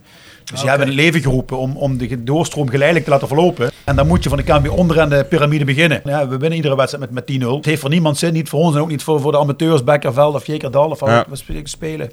Maar je moet wel weer op niveau komen, waardoor dat wel weer... Nou eh, goed, dan zit je komt. over een jaar of twee. Ja, maar dat is wel goed voor de doorstroming van, Ja, eh, van de jongens. Dus Ja. dat is belangrijk in het niveau. En dan over scouting hebben we het gehad. Dat is de punt 5. Daar moet ook verbetering in komen. In die zin dat we ja, betere spelers moeten binnenhalen. En, en de juiste spelers binnenhalen. Ja. Heb je genoeg scouts hier rondlopen? we hebben er denk ik nu een- man of 14 over verdeeld. En we scouten tot aan, aan, aan de kanten van Weert. Kanten van België, Duitsland hebben we scouts. Dus dat, dat hebben we goed voor elkaar. Maar ik weet niet of je de podcast recent geluisterd hebt. En nog een paar oud-spelers die nog altijd zeggen van... Hey, eh, ik wil- we doen. Ik wil het wel doen. Daar hoeft niet één veel voor terug Ja. te komen. Ja, goed, dat, dat is ook zo. Dat hebben we ook. ook dat, dat is de volgende stap. Eh, we moeten nu gaan kijken van welke type spelers, wat zoeken we dan? Uh, Waar gaan we op scouten? En nogmaals, het scouten is, is denk ik enorm moeilijk. Het zijn vaak, eh, vaak, het zijn allemaal vrijwilligers hier. Vaak supporters nog van de club, wat denk ik wil iets voor de club doen. Maar de, ja, die echte hele goeie, die haalt iedereen eruit. Maar het gaat van wat is dan die speler uh, waar het echt om gaat. Mhm. En het verschil, als je ook bij de opleiding van ons ziet, uh, heel veel komt uit, uit het eerste half jaar, geboortejaar. Fabio, wanneer ben jij geboren? 2 april. Zie je, dat bedoel ik. Hè? Je hebt dus heel weinig spelers van het tweede half jaar. Omdat dat vaak jongens zijn wat... Ja, die hebben een half jaar jonger zijn. Die worden niet vaak gescout. Ja. Ja, en dan ga je naar een club kijken en dan denk je, oh, een goede speler. Maar die zijn vaak januari, februari geboren. Die zijn wat groter, zijn wat sterker. Ja, die vallen op. Maar die, die talenten, we noemen het dan fluistertalenten. Ja, die zien we niet. Maar die moeten we ook ontdekken. En daar is wel, denk ik, nog wel winst te halen. En dan is het goed, denk ik, dat je daar in je scouting dadelijk kunt uitbreiden. Als je weet wat je wil, dat je mensen met een ja, ex-profs uitnodigen van, ja, wil je voor ons scouten? Want jullie weten, hebben de ervaring, weten wat, hoe het gespeeld moet worden. Maar we willen wel, die type spelers willen we hebben. Kijk, eh, als je bij Roda wil spelen, moet je een bepaald, ja, hè, dat hoef ik niet te vertellen, dan heb je een bepaalde kernkwaliteiten waar je aan moet voldoen, waar je je mee kunt eh, identificeren aan de club. Ja, een vast gezicht eraan geven. Ja, een vast gezicht erin. We zoeken Ja. toch spelers wat hard willen werken, wat er 40 uur per dag mee bezig willen zijn en wel strijdbaar zijn en mentaal sterk zijn. En als we dan spelers binnen hebben wat dat niet zijn, ja, dan Ja. zijn er wel goede voetballers, maar uiteindelijk vallen ze af van mentaal niet. Of, ja, en dat is wel, wel, wel moeilijk in de, in de scouting. En dat, ja, daar moeten we nog een stap op maken. Maar we, nogmaals, we zijn beetje bij beetje zijn we ons aan het eh, ontwikkelen. En eh, uiteindelijk moet dat gaan leiden tot eh, betere spelers afleveren bij het eerste elftal. Ja. Alleen wat je, alles wat je nu doet, die, die stap wat we nu hebben gemaakt, de anderhalf jaar waar we nu mee bezig zijn, daar zie je pas over vijf, zes jaar Ja. of dat zinvol is. Alleen de voetbalwereld wil vaak morgen resultaat hebben. Ja, wat blijft die goede speler dan? Hè? De hoofdtrainer wil natuurlijk... Kijk, nu hebben we met Jurgen iemand wat ook TD is, een hoofdtrainer wat komt, die zegt, ja, ik moet nu spelers hebben. Dan heb ik over zes jaar ben ik weg hier. Of ik ben gepromoveerd naar een betere club of ik ben ontslagen. Dus ja, dat is wel lastig altijd. Dus altijd jeugd is altijd kort of lange termijn. En, en de, de Ja. trainer van de eerste is, is, is normaal gesproken is dat korttermijn denken. En nu heb je dus een, een, een trainer met een dubbelfunctie. En eh, ja, dat is in ieder geval nu prettig. Hè? We zitten met Jurgen ieder, om- iedere twee weken bij elkaar. Om hoe gaan we de volgende stap weer maken. Dus dat is heel, eh, heel prettig. Nee, maar ik denk dat het bijzonder interessant is. Want als je kijkt naar inderdaad bij Roda is jarenlang de jeugd af en aan een beetje belangrijk geweest. En nu heeft het jarenlang een soort prioriteit. En ik denk als je daarmee continuïteit kan inbouwen, dat je dan sowieso vooruit gaat. Ja, we moeten denk ik ook, weet je, wat, wat, ik, wat mijn ervaring is ook, eh, en het spreekwoord van het gras bij de buur is altijd groener. Zo werd er hier ook al gekeken. Hè? En dan wordt naar eigen jongens wordt gekeken van, dat en dat hebben ze niet. En dan komt er iemand van buitenaf, ja, maar die is wel snel en heel sterk. Zeg, ja, maar goed, weet je, maar, maar, maar weet je, Nee, ja, dat is wel wat er heel Ja, jij bent al gehoord, een verkapte mij, dat ik het er helemaal mee eens ben. Tuurlijk moet het niveau hoger. En hè, nogmaals, en, en, eh, dan denk ik als voorbeeld is Bouchouari. Die, die, die, ja goed, hij, toen, hij kwam toen mee Ja. met ons in, eh, in, in de laatste fase. Ja, die is wel gewoon goed genoeg om die stap meteen te kunnen maken. Dus naar dat level moeten wij ook toe. Het aanbod in deze regio is, is minder dan in andere grote steden. Maar er zit nog wel genoeg talent hier. Alleen we moeten door het taalplaatje breder en beter te maken. eh, ja, kun je denk ik meer uit de, uit de speler gaan halen. En dat moeten we gaan doen. En eh, je ziet nu eh, Fabio en Quinten. Martijn van, van is eerstejaars nu denk ik. Sammy Owaiza van U18. Ja, die jongens die hebben nu laten zien van nou, we doen het goed. We mogen meetreden. Doen ook in de trainingen ja, hun ding. Eh, ik ben toevallig jongsleden hebben. Hè. Wie heeft basis gespeeld tegen Genk. Hè, met, Ja. met het eerste elftal van, van Roda. Of met de wissels van één. Met jongens van de jeugd tegen Genk eh, belofte. Ja, dat zijn gewoon goede wedstrijden. Hè. Dan speelt De oefenwedstrijden heb ik altijd minuten ja, minuten gemaakt. Dus dat is, dat is positief. En nu komen er weer twee jongens aan van, hè, wat ik zei, Martijn als centrale verdediger en, en Sammy als ja, een, een- een aanvallende middenvelder. Ik denk eerder aan de buitenspeler, nog een, een beetje links-rechts buiten. Ja, dat is een jongen van 2004. Dat is nog een onder 18 speler. Ja, die haakt nu aan. Dus er zit, er zit wel, wel, eh, eh, ja, wel, wel schot in de zaak, laat maar zeggen. Dus Ja. we hopen over drie, vier jaar te kunnen zeggen van kijk, wat we toen gedaan hebben, daar, gaan we nu de vruchten van plukken. Alleen het heeft tijd nodig. Want dat is ook wat ik net bedoelde hè, toen we hier met Roel zaten. Kijk, ik vind het persoonlijk, maar ja goed, dat ben ik persoonlijk. Ik vind het persoonlijk zinvoller als je de laatste vijf minuten of de laatste tien minuten nog iemand laat invallen. Het is geen make-or-break wedstrijd. Waarom laat je niet zo'n jonge jongen invallen om gewoon minuten te maken en eraan te laten snuffelen in plaats van dat je iemand inzet waar je weet die het volgend seizoen toch wel weg is. Ja, het zijn vaak van die wissels, eh, en dat is niet alleen hier, maar dat is bij veel, bij veel clubs. Dat zijn vaak van die, van die sociale wissels. Hè, van weet je, klaar maar iemand van hè, het eerste elftal invallen, want die jongen doet zijn best. en ze speelt, ik, hè, ik roep dan van, ah, weet je, als het 3-0 is, Maar nog vijf minuten, ja. Laat in godsnaam eh, iemand van de academie Zeker. invallen. Maar dan praat ik voor de academie. Ik snap ook dat als je als hoofdtrainer met een groep werkt van 20 man, die denkt van, weet je, ik kun het liever aan iemand wat iedere dag hard werkt en Ja, je- ouder is, maar wat laatste jaren is dan aan een jong, ja, die komt, zijn tijd komt nog wel. Dus ik snap het wel. Alleen, Begrijp ik ik kijk vanuit de, ja. de academiebril. Ja, plus het, plus het feit dat je die jongen dan vanuit de eerste elftal, als je die niet de kans geeft, die verlies je ook op termijn, denk ik. Ja, kijk, dat klopt wel. Maar van de andere kant, kijk, dat is wat ik net zeg. Kijk puur naar de eerste, niet de wedstrijden van onder 21. Hè, maar gewoon als je kijkt naar het eerste, zit je toch op een moment zal je ook keuzes daarin moeten maken. Ik maakte net een vergelijking met Engeland, hè, waar je FA Cup hebt, Carabao Cup, dan ook nog eens een keer veel meer wedstrijden in de competitie. Al die teams waar ik het over had spelen, Europa Cup, die maken allemaal wel hun minuten. Mensen die op de bank zitten Zeker. van het eerste, die volledige eerste elftal spelers zijn ook jongens die jeugd worden doorgeschoven. Maar hier zou je je keuze moeten maken. En dan vind ik persoonlijk dat er iets te zeggen is voor een Jeremy Seintje, maar dat er ook iets te zeggen is voor een Jimmy Vijgen of voor een jongen die eens een keer bij de selectie zit van onder 21. Dat kun je dan afwisselen, vind ik. Dan zeg je tegen iedereen, kijk, iedereen heeft hier de kans om in te vallen en potentieel te spelen. Ik vind dat je ook niet moet uitstralen. Kijk, als er iemand invalt, dan is het Jeremy Seintje en voor de rest niemand. Kijk, want dan vind ik dat je als jeugdspeler een signaal krijgt van ja, ik ga toch niet invallen, want Nee, ja, Seintje zit hier op de bank. klopt. Dat klopt. En ik denk wel dat er jongens zijn, misschien uit Roda opleiding, die dat ook even goed kunnen doen. En dan denk ik van ja, je investeert daar in een toekomst. En dan vind ik, die keuze moet je ook kunnen maken. Vlieguren maken is natuurlijk altijd eh, handig voor die Vind jongens. ik wel. Want uiteindelijk, Roda moeten we toch naar de hand. Kijk, dat is wat Danny net al zegt. Vaak verlies je jongens die er echt met en schouders bovenuit steken. Qua talent vaak al aan de PSV's van deze wereld. Of de Genks of de, of de Standard Luiks. Maar uiteindelijk... Kijk, ook zo'n Benji Bouchouari nu. Ja, die jongen hebben ze nu verlengd met een jaar. Maar ja, gegarandeerd, die jongen moet je op het einde van volgend seizoen verkopen. Daarom verleng je hem. Daarmee wil ik zeggen, je gaat uiteindelijk ook jeugd opleiden om bij een club... Kijk, Roda is nooit een eindstation voor niemand. Zoals Fabio net zegt, die wil uiteindelijk, eh, als hij kan, ooit naar AC Milan. Ja, Ja. vind ik niet gek, zou ik ook willen Nee, tuurlijk, tuurlijk. Dus, maar dan is het de zaak dat je iemand zo goed maakt dat je, dat je hem zo goed mogelijk kunt verkopen op een gegeven moment. En voor zoveel mogelijk geld kunt verkopen. Mhm. En die waarde moet je zien te creëren. En dat begint ermee, jongens te laten invallen. Ook al is het maar vijf minuten aan het begin van hun carrière. Klaar. En dat, zo sta ik erin. maar dat hebben we nu, denk ik, als je nu kijkt naar nu de selectie tot, tot hè, Jurgen en ook nog, hè, zeker de credits naar Jeffrey, dat ze dat wel beter voor elkaar hebben nu. Ja, als je ziet, eh, de laatste jaren hadden we veel al oudere spelers. Hè, vorig jaar ziet eh, met een, met een Luiks, Rarens, eh, Valkenburg.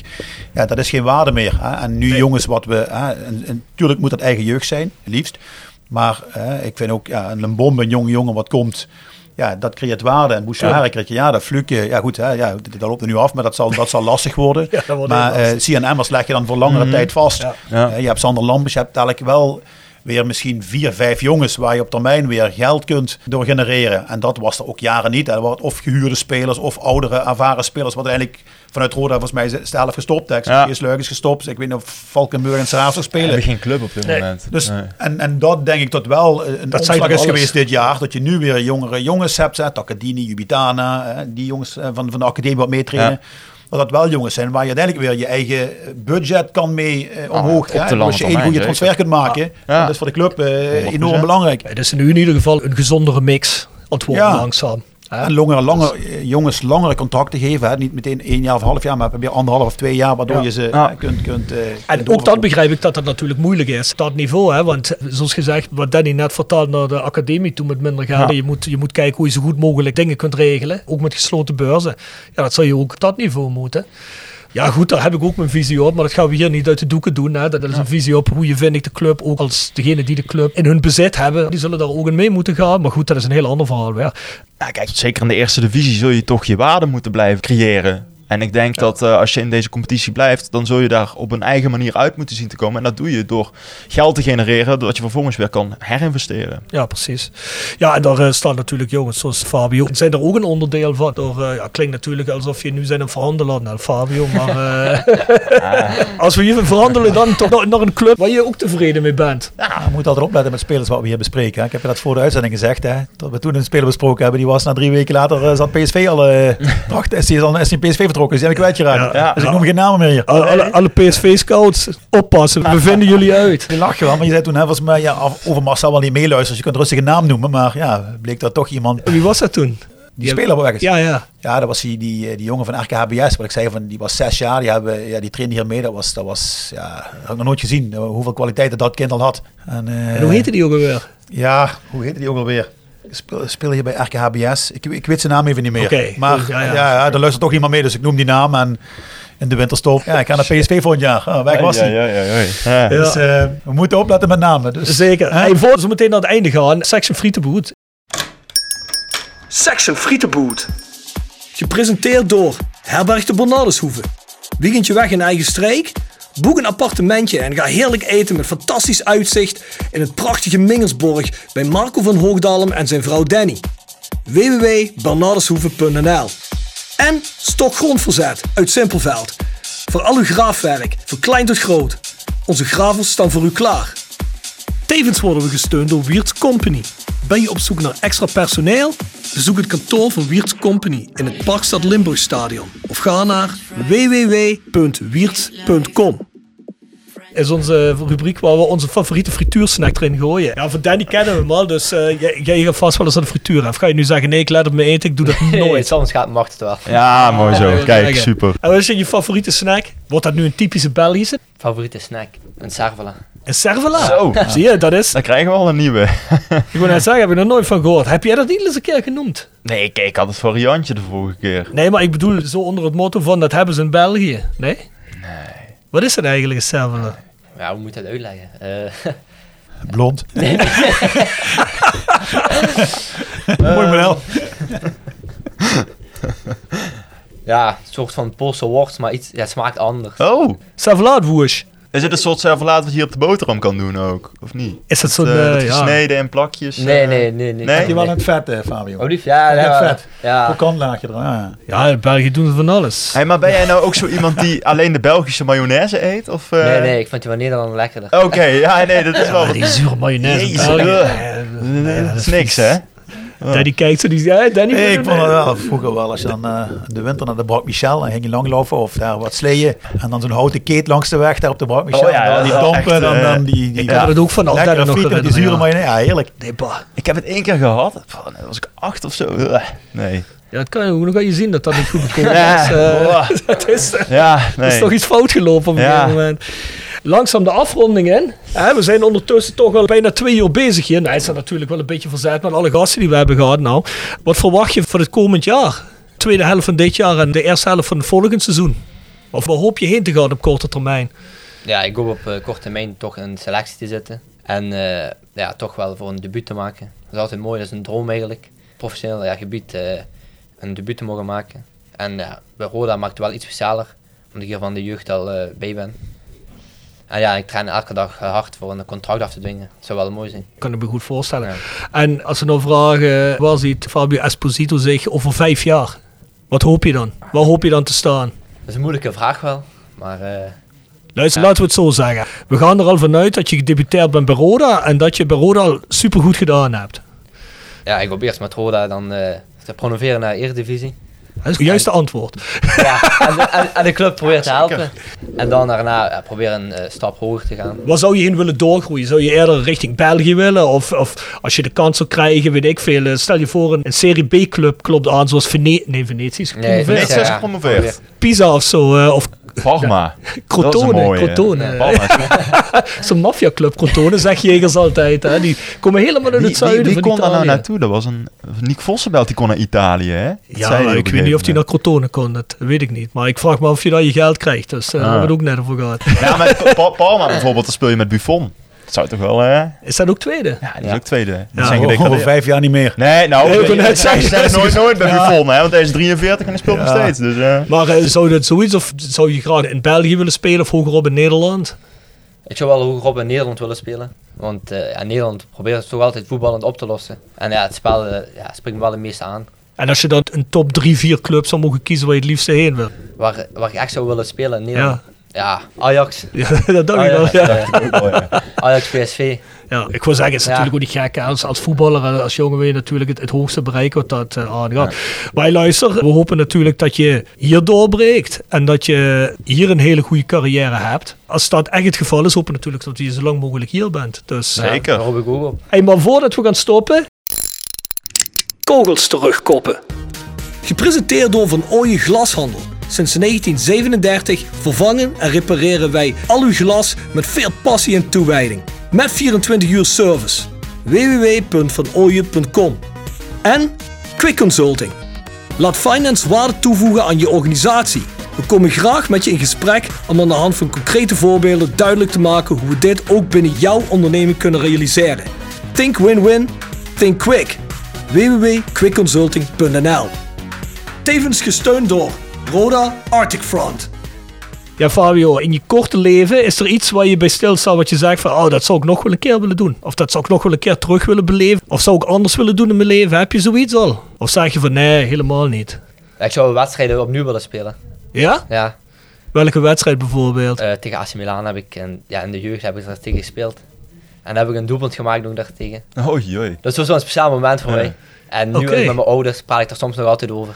Dus die zouden opnieuw willen beleven omdat het een mooi moment Ja. was. En Ja. ook de wedstrijden die ik hier met de jeugd, met Roda of zo, en de competitie verloren heb, opnieuw willen spelen tot we die ja, gingen winnen. Want de winnersmentaliteit eh is er wel aanwezig. Ik win graag, dus eh, Ja, wat Roel Brouwers heeft ons net verteld. Talent is één, maar hij heeft zijn hele carrière, zegt hij, eigenlijk vooral opgebouwd op doorzettingsvermogen. Hè? Dat heb jij ook. ja, wel, ja, ik heb wel, eh doorzetting, ik doe er toch wel veel voor. Of ja, bijna alles. Ik doe er alles voor. Dus we krijgen jou Voor. mentaal niet kapot. Kapot niet, maar ik herstel me wel. Ja, goed, dat is het beste. Altijd weer opstaan. Ja, Ja, maar dat vind ik ook echt wel indrukwekkend wat je hebt verteld net. Wat je hebt meegemaakt al met die Lime toen. Hoe je daar al overheen bent geklommen. Dat laat al zien hoe mentaal jij in elkaar zit eigenlijk. ja, het heeft me wel veel sterker gemaakt. En eh, sommige momenten heb ik wel nog moeilijk gehad. Maar ja, ik bedank mijn ouders daar wel voor. Die hebben, zijn altijd voor me klaar geweest. Altijd met mij gesproken. En Nog één voorbeeld. Hè. Als jij nou hier volgend jaar bij de selectie komt en je krijgt twee jaar geen speelminuten, maar Jurgen Streppel zegt, luister Fabio, jouw tijd komt. Rustig blijven, jouw tijd komt wel. Zou je dan denken bij jezelf, ah, ik, ga het hier, ik ga het hier toch volhouden? Of denk je van, eh, weet ik niet, ga ik toch eens ergens anders kijken? Ik vraag dat omdat, jij vertelde net dat, eh, eh, hoe heet die, eh, hoe heet die gast ook alweer bij PSV gestopt is nu? Davy Prupper. Ja, want die is natuurlijk wel een heel ander Ja. verhaal, hè. Maar die, ja, die halen ze eigenlijk. Ja, denk ik toch wel dat die dacht van dat die ook bestemmend ging zijn. Ja, die heeft volgens mij ja, die heeft heel weinig gespeeld, hè. Die heeft er de brui aan gegeven. Zit dat überhaupt in je houding dat je zegt van ja, als ik geen kans meer krijg, dan kap ik ook. nee, kappen sowieso niet daarmee. Dan Ja. eh, zou ik ja, kijken voor andere opties waar we wel eh speelminuten krijgen. Maar daar hoop ik niet op. Ik hoop eigenlijk om hier ja, bij deze club eh, door te breken wel. Goed, vind ik een mooi einde. Vind ik ook een mooie einde op. Eens. Ja, Danny en Fabio bedanken jullie. En dan doen wij nog even de vrienden van het podcast. Jegers Advocaten, Next door Hair, Nail en Beauty Salon. Hotel Restaurant de Veilerhof, Herberg de Benalteshoeve. Noordwand, www.gsrmusic.com. Stokgrondverzet, Rapi Autodemontage. Van Ooyen Glashandel, Quick Consulting. Wiert Company, Fendo Merchandising. Nederlands Mijnmuseum, Marimi Solar Heerlen. Roda Support, PC Data. Metaalgieterij van Geelst, Wullenweber Keukens. Celexpert.nl, En Roda Arctic Front. Roda fans uit? Scandinavië. Ja, zeker weten. Ons e-mailadres is thevoiceofcalais.south16.com. Onze website is south16.com en je kunt ons vanaf dit weekend weer, of vanaf dit weekend, al vanaf vorig weekend, want dit wordt volgende week pas uitgezonden. In ieder geval telkens naar de wedstrijden vinden op petje.af, schuine streep naar voren, de Voice of Calais. En dan kun je voor minder als de prijs van een zelfs heel goedkope koffie Jasper, mij en Bart Eurlings volgen met wedstrijdnabesprekingen en voorbesprekingen. Dus ik zou zeggen, tot volgende keer. Hoi,